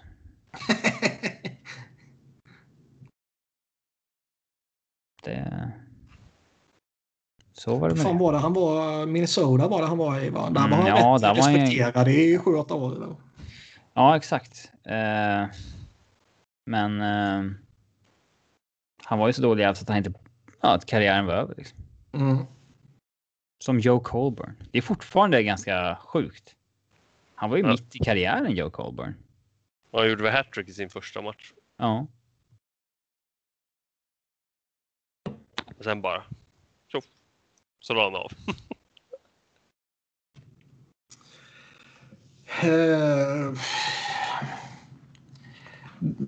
det korrekta svaret i Flyers är ju förmodligen någon jävla nobody som man såg 1998 och som man inte kommer ihåg. Eh, ska man sätta det i någon form av modern kontext eh,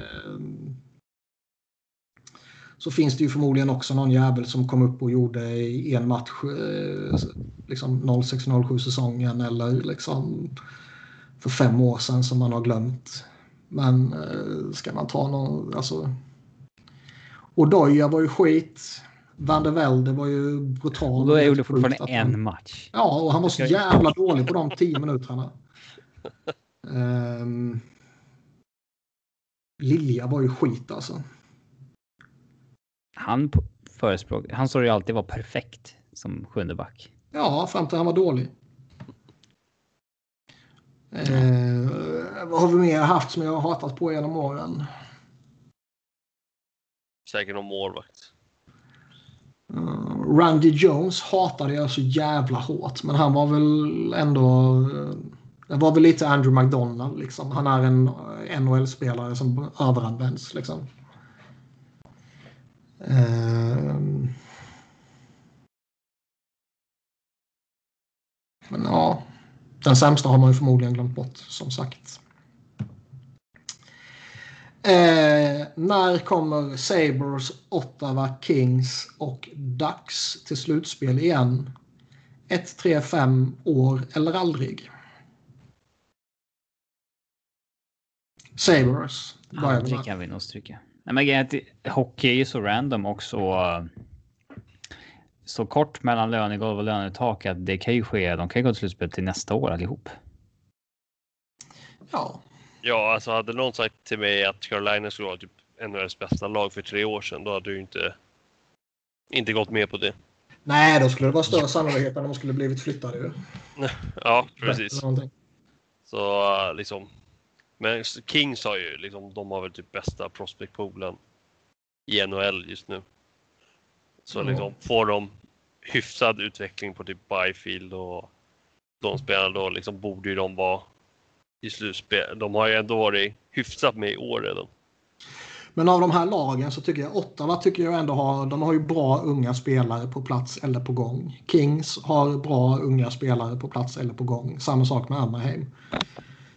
Sabres är ju inte riktigt där alltså. Sabres eh, kan man ju absolut se gå ett antal år till utan slutspel.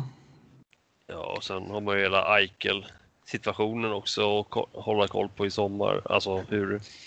Sabres har ju ett bättre lag än Anaheim egentligen. Ja. Men eh, jag tycker eh, gå in i framtiden så gör jag nog hellre det med Anaheim än med Buffalo. Om man tar... Eh, det kan man det, det, Så är det väl ändå inte om, om man tar hänsyn till att det finns en, eh, en, en ett eh, extremt frågetecken över Jack Eichel så, eh, och bara titta på liksom lite prospects förutsättningar och sånt där så jo. Och då räknar jag ju inte in typ Dalin där för han har ju redan kommit upp och etablerat sig.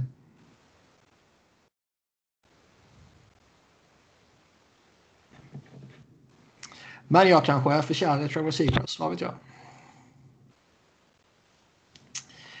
Eh, vem är världens bästa målvakt och varför är det Jussi Saros? Frågar eh, Max. Här hänger vi ut en jävel. Ja, det hade jag inte behövt säga vem det var från. Nej, förmodligen inte. Uh, alltså det säger en del om hur konst, alltså den här säsongen när man bara möter samma lag hela tiden.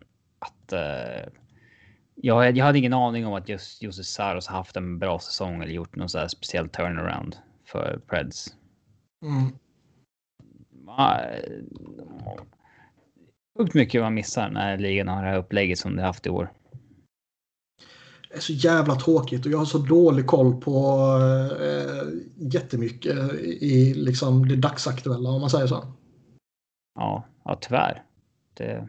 Man bryr sig inte om resultaten i matcherna längre. Liksom. Det... Nej, men det som händer i en, en annan division spelar inte någon roll alls för mig. Ja. Eh, och det är tråkigt som fan. Jag, jag, vi har väl sagt det tidigare, liksom, jag kan väl jag kan förstå om de väljer att behålla divisionsindelningen med kanadensisk division och sådär.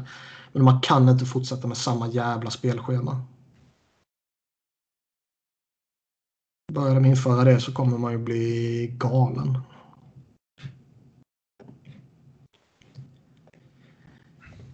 Så vi lämnar inget svar på Max eh, oseriösa fråga. Han kan eh, lämna in protester till Emils eh, Twitterkonto. Do it. um, om Juru blir en flyer for life kommer Niklas hålla fast vid sina hårda krav på att få tröjan i taket? Eh, ja, Problemet är ju i det här resonemanget att när eh, Euro går i pension som en flyer for life så har han ju vunnit kuppen Och Conn Smythe. Så då får han väl komma upp i taket helt enkelt. Ja, Flyer tänker göra som så här. Som lagen som skulle starta europeiska superliga och starta egen liga. Där de kan vinna. Ja. Philadelphia Hockey League. Ja. Arsenal style. ja. Uh, nej, men om, liksom, om han uh, slutar om fem år och är uh, den bästa eller näst bästa rent statistiskt genom tiderna. Ja, han ska inte upp i taket om han inte vinner kuppen och får den framgången. Ja, den här ståndpunkten tog ju Niklas för så åtta år sedan och jag har ju gått för djupt in i den för att kunna backa nu. så är det ju. Nej, jag tycker så. Nej, det gör du inte längre, men uh, jo. du kan inte backa nu. Det vore för pinsamt. Uh, ja, det är klart jag inte kommer backa. Visst. Nästa fråga. Kan vi få en 10 minuters redogörelse för varför Rangers största drag i sommar borde vara att värva Giroux? Den känns eh, inte seriöst ställd. Så för Robins eh, välmående så läser jag upp den och går vidare.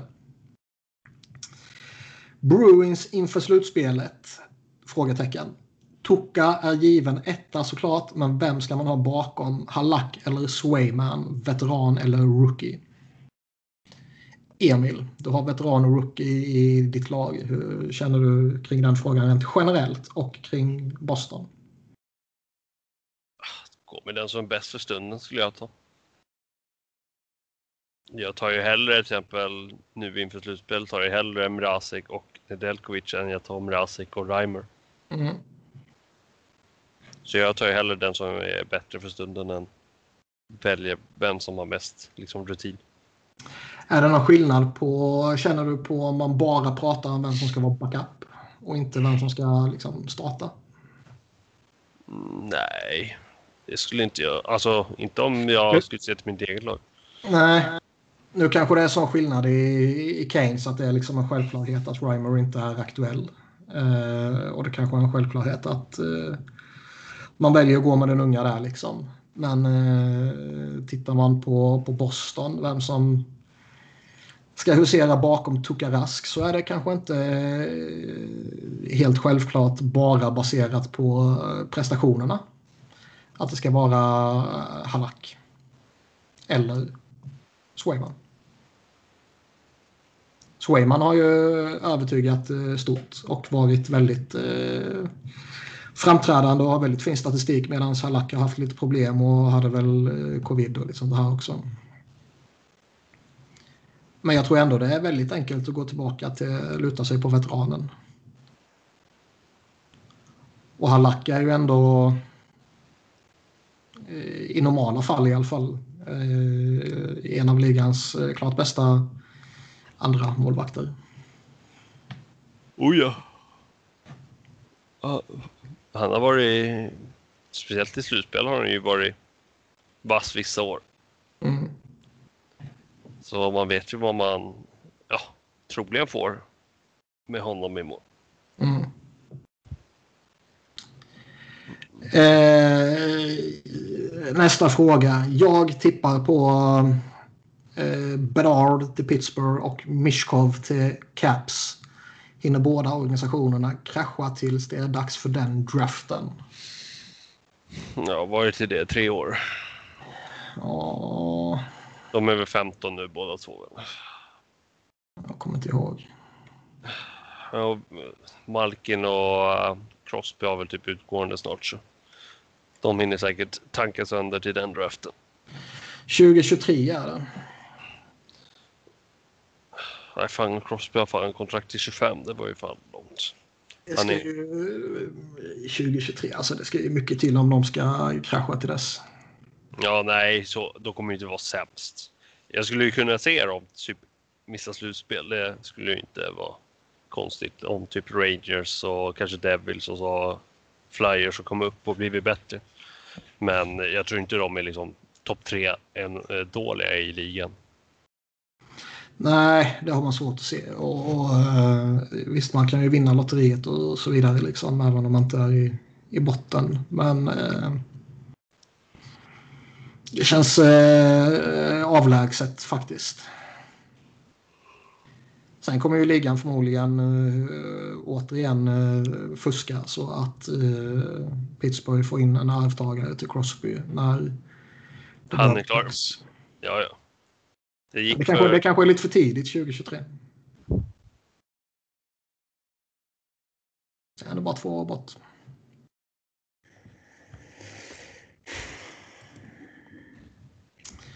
Har vi något mer här? Vi har... Um...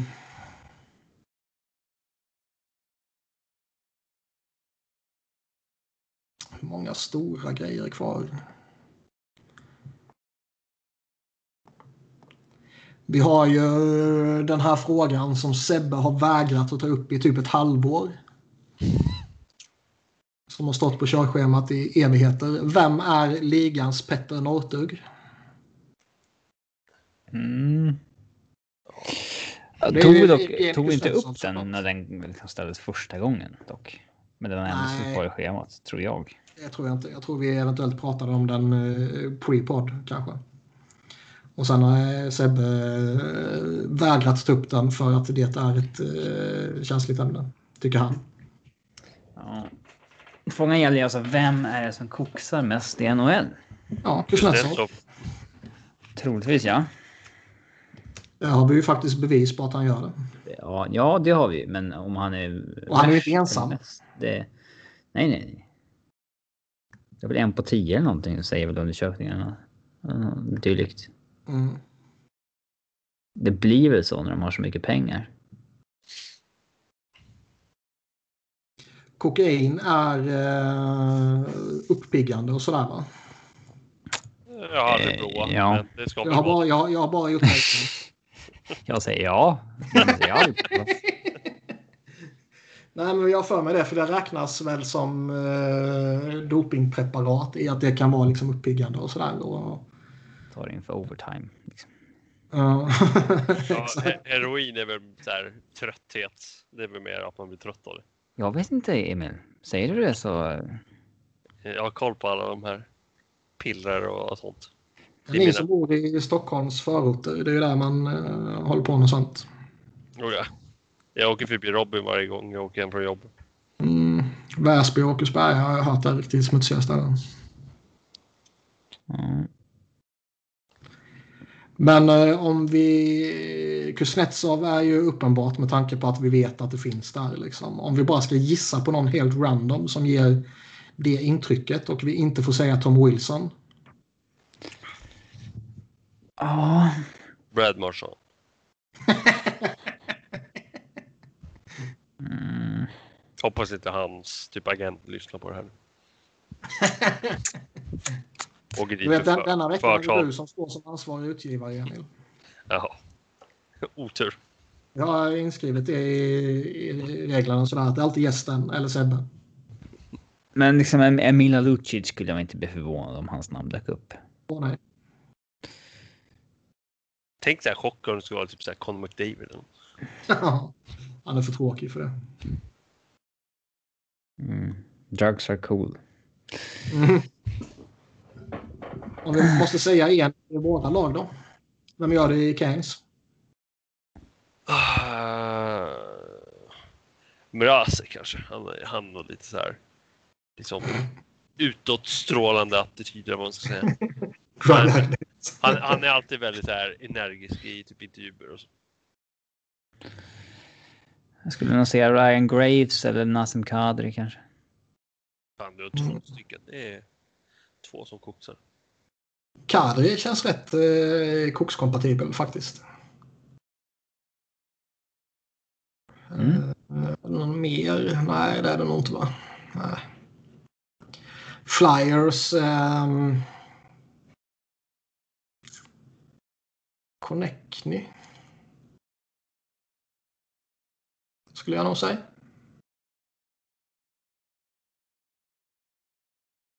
På tal om mm. Flyers, har ni sett hur bra Cam York är? Han är väl lika bra som Carter Hart för två år sedan, så han är väl slut snart. ja, ja. Nu var du stygg. Alex Newhook spelar ju för Avs nu också. Efter att ha slaktat AHL första matcherna. Hur har han skött sig då? Eh, bra faktiskt. Många har ju klagat på att eh, Martin Kaut och Shane Bowers inte spelade kontinuerligt i NHL. Liksom att Avs, Avs plockar aldrig upp sina egna spelare. De väntar mycket längre än alla andra organisationer, precis som alla organisationers fans säger om sin organisation och så vidare. Mm. Men eh, är man tillräckligt bra så kommer man få spela. Det tror jag Alex Newhook kommer visa. Han gjorde nio poäng på åtta matcher i AHL. Nu har han mm. gjort en på två då i Avs. Mm. Eh, spelar, spelar i ganska bra omgivning också. Så att, eh, har spelat med? Eh, Burakovsky och... Eh, första matchen så var det Kadri och Burakovsky. Och då var det Newhook som var center. Man brukar sätta... Man brukar sätta kidden på vingen då liksom. Ja. Eh, men ikväll kommer han spela med Burakovsky och JT Comfer. McKinnon är ju skadad. Eller han är Vi, känns som att han vilas inför slutspelet. Eh, trots att man har en... Ja. Det kan ju vara avgörande matcher här på slutet om vem som får hemma is mellan Evs och Vegas i slutspelet och vem som slipper möta eh, Minnesota och så vidare. Liksom. Vem som får mm. möta Arizona eller vad det nu blir istället. Men... Eh, blues va? Ja, mm. så blues ser det ut att bli. Ja, det blir blues. De är väl klara. Ja. Eh, men... Eh, alltså... Mm, är, är tillräckligt bra ska de klara vilka den blir liksom. Så då... Ja, förutom eh, Vegas, men det eh, kommer inte ske. Nej, det är, så, det är så pass långsökt att liksom eh, det skulle gå just i sju matcher och den hemmafördelen skulle vara en avgörande roll. Jag tror. Nej, då den hemmafördelen är nog skitsamma alltså. Ja. Det är lika mycket resande för bägge lagen. Och det är ju. Alltså den, den gör kanske en procents skillnad i en avgörande match, inte mer. Mm. Vi hade ju en fråga till här som uh, vi kommer ihåg men som uh, inte blev uppskrivet. Som var någonting om uh, man skulle göra om perioderna. Och det var att spela 2 gånger 30 istället va?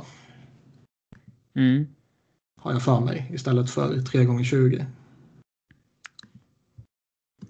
Ja, vi har ju varit inne lite förr på att snacka om, snackat om regeländringar och så där vad vi vill se. Mm.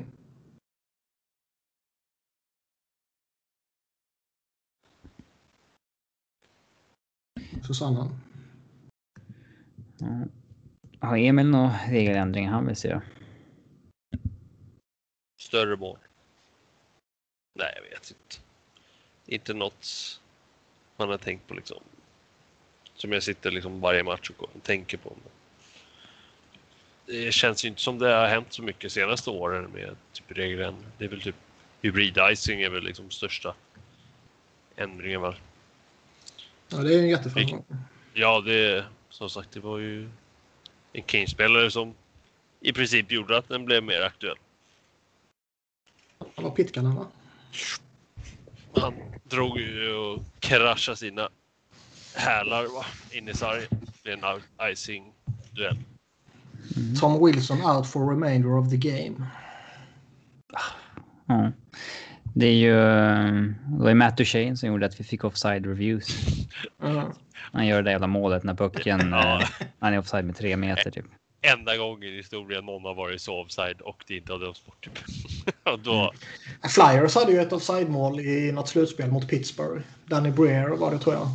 Ja, det var, det var inte lika överdrivet som uh, Duchene. Men det var ändå liksom solklart. Mm. Ja, alltså offside-mål har ju skett då och då liksom. Mm. Åh oh, gud, det var som när man såg några så här Hurricanes bortdömda idag. Det var så här... Ja, linjerna ligger på varandra. Liksom. Ja, så här stort hår eventuellt. Så bara, aha. Det är ju parodiskt när det som döms offside nu, hade de bilderna visats för en linjedomare så hade hundra av hundra sagt att nej, det där är inte offside. Mm. Men enligt liksom, det nya sättet att bedöma offside så är det. ja, nej gud, det är hemskt med just VAR ja, i, hockey, mm. eller i fotbollen. Mm. Men 2 gånger 30 ja eller nej?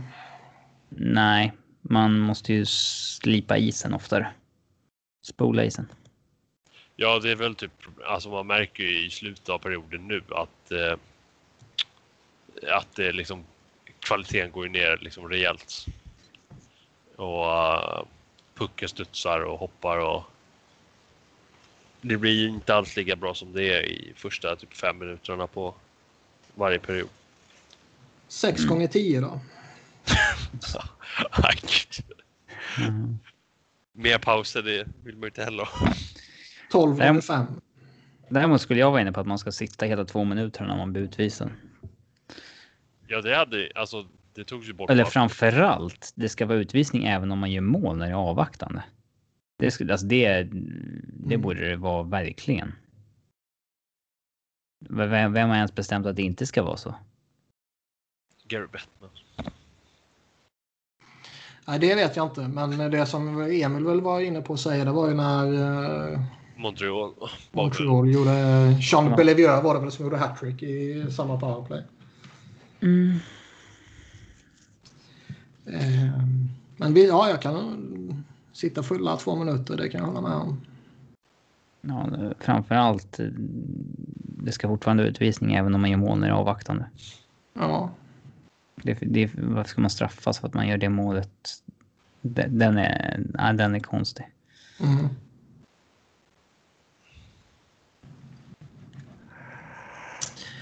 Har vi eh, något mer eller ska vi runda av så Emil kan få somna? I stolen. Har vi inga tävlingar? Nej. Så eh, Emil har ingen tävling till oss idag. När han, när han är här och hälsar på. Mm, nej. Hade klockan varit halv nio på kvällen då hade jag nog haft någon tävling. Du har inte förberett någon? Det är lite dåligt ändå. Man blir inbjuden på en sån här film. med, med armbåge. mm. Nej, men då måste vi nästan klämma fram någon här ändå.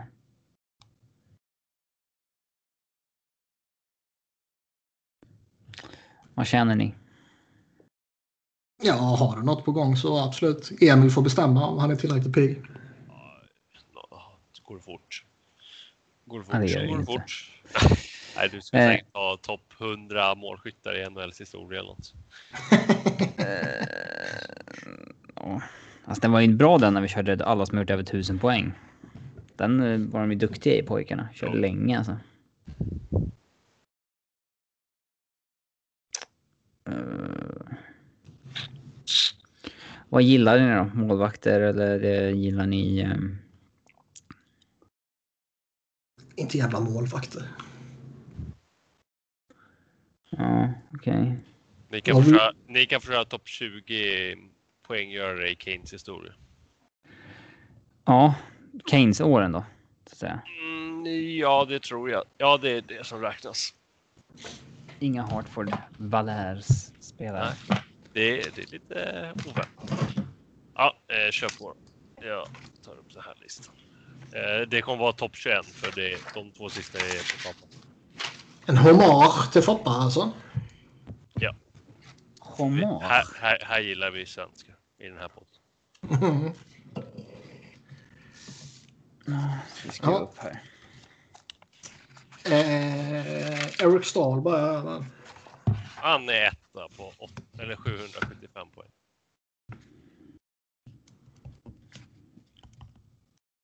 Då säger jag Jordansdal. Han är åtta på 327 poäng. Då säger jag Rod the Bod. Han är tvåa på 473 poäng. Då säger jag eh, Justin Williams. Han är 10 på 316. Skinner måste ju vara ju. Han är 3 på 379. Han var trea ändå. Jag trodde det skulle vara kanske typ sjua, tia och sånt där. Man tänker ju här att det, Ja, det är svårt kan- att komma på vilka som har gjort mycket poäng, men det är inte så många som har gjort mycket poäng. Det är det som är Nej, de, grejen. de var ju så jävla dåliga i typ 15 år. Ja. Ehm, vem fan... Eh, vad mer kan vara med så här? Ehm.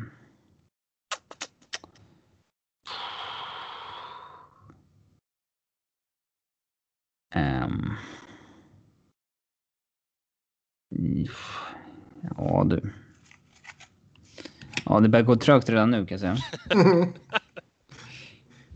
Ehm. Alltså jag kan säga det krävs inte jättemycket för att ta sig in på topp Men Vad är poängbarriären då? Vad har 21 gjort? 165. Ja. Säger Whitney. Mm, ja, han är sjua på 334.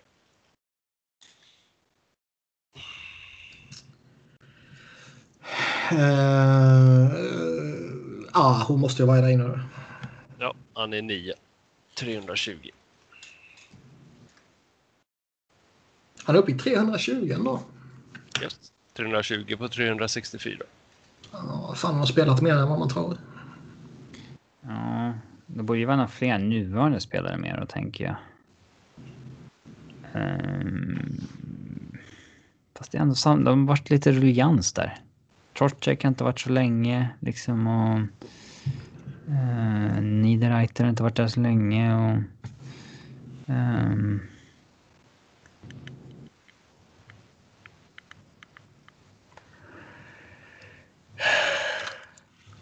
Ska se.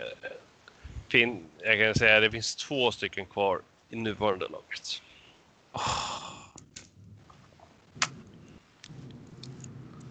Två? Jag vågar inte gissa på en liksom Teravainen. Det... Eller ah, skitsamma. Teravainen. Han är 12 260. Vad fan kan det mer vara då?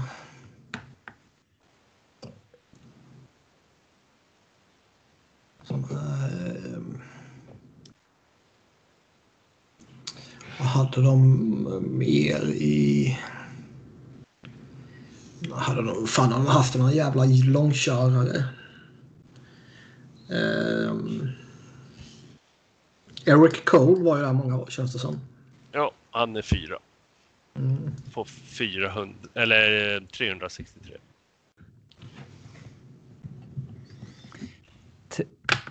Jag frågar dig Niklas, tror du att Semi kom upp i 165 poäng? Eh, Skulle du gissat på det om du var jag?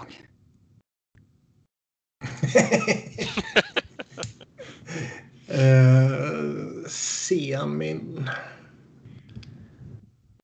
Han var ju ändå... det, va? han, Han- han- Fan, han måste vara på gränsen ändå alltså. Den är nog för, det kan nog vara en luring alltså. För den här säsongen när han liksom breakade igenom där, det gjorde han ju det en halv säsong. 12-13. Sen var han dålig i två, tre år när han blev utköpt liksom. Um, så nej, han vågar man nog inte... Han vågar man nog inte säga. Ehm.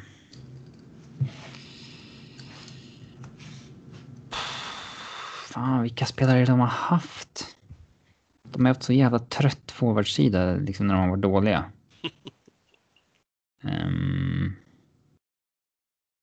Ehm, Det finns några, alltså, några namn som ni borde ha tagit. 165 poäng, det är ändå ganska... Det ska ändå vara bra i liksom 3-4 år för att komma upp i det. Femman och sexan är kvar kan jag säga. Sen är det under topp 10. Ja. Fan, det är riktigt svårt tycker jag. Hur många anonyma forwards?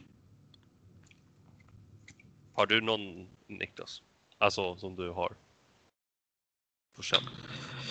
Eh, jag har ju en som jag är jävla osäker på. Men... Eh, eh,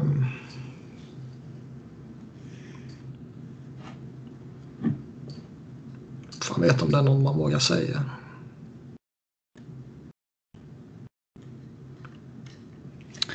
Alltså jag... eh, Ja, vi, har, vi har kommit upp i nio namn av 21. Det, det känns som vi borde börja gissa nu. Bara. Men eh, jag har svårt att ens komma dit. Säg Johnny Pitkanen då. Han är 29 på 140 29? Inte ens nära. Strax. Eller Jag kom på en nu. Ja. Varsågod. Sami Karpanen för fan. Ja, jag tänkte fan har du inte sagt honom? Han är 11 på 100, eh, 314. Mm. Så många... Var han där så många år alltså? Ja. Han, han som är femma är Jeff O'Neill. Och Neil skulle man ju kunna verka Nej, fram. det hade jag aldrig Ja, tagit. se, sexan trodde jag ju ni skulle ta. Det är ju Ron Francis. Ja, just det. Man letar ju inte där bak liksom. Men O'Neill tror jag jag skulle kunna lagt fram. För han var, han var den perfekta spelaren att trada till sig på NHL-spelen. Efter Steve Rookin. Och efter Dog Wait. Som inte Sebbe vet vem det var. eh, sen Ehm. sen eh, vart det lite mer moderna. Sen vart det Justin Falk på 13. Tomo Ruttu 14. Ja, folk borde man ju tagit. Man Jag fiskade ju efter någon back de hade haft länge som ändå gör sig lite halvmycket poäng. Men jag kom inte fram till någon. Liksom. Eh, sen var det Ruttu 14. Elias Lindholm 15. Jussi Jokinen 16. Matt Cullen, Chadler Rose. Sen, den som var kvar i laget idag är Jacob Slavin som har 166. Och sen, Fan i helvete, nu är Wilson på isen igen. nej då. eh, och de två sista var Martin Jelena och Corey Stillman. Vad är Keith Primore? För det var han jag satt och funderade på. Eh, ska se. Vart har vi han? Där. 34, 125. Men han spelade bara 159. Ja, Jag var lite osäker där på hur många säsonger han hade gjort. För jag visste att han har gjort några säsonger och eh, några bra säsonger. Men jag visste inte om det var liksom... Var det två eller fyra? Jag kan säga att Semin har gjort 105 på 166. Eller har gjort, han gjorde. Jag tror inte han gör några fler. Alltså inte det. Comeback nästa år. Kan Kovacic komma tillbaka kan han.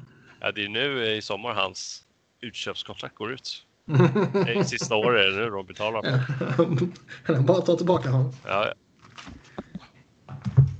ja, men det var helt okej. De har inte haft något direkt starkt år som sagt. Så i år kommer det ju vara lite mer. Då kommer det vara liksom Svesjnikov och eh, Aho kommer ju vara liksom topp tre typ. Mm. Och Hamilton är på gång upp. Om han nu blir kvar. Ja, han är en flyer nästa år. Ja, för 10 miljoner så kan det Ja, ge mig. Och så kommer han typ åka på någon så här skada som drar ner honom. Oh, ja, kommer, du- absolut. kommer, kommer du sitta och hata honom? Ja, absolut. Det kommer jag. Det är, det är Flyers Circle of Life. Liksom. Mm. Värva in eftertraktade spelare, underpresterar, Niklas hatar dem. Jajamän. Eh, ska vi nöja oss där? Det är Visst. bra det. Vi eh, skäller på Sebbe. Jävla töntigt att ställa in för lite halsont. Vi eh, pallar fan inte rabbla alla jävla Twitterkonton. Så vi säger tack och hej. Tack för att du ställde upp Emil. Sov gott.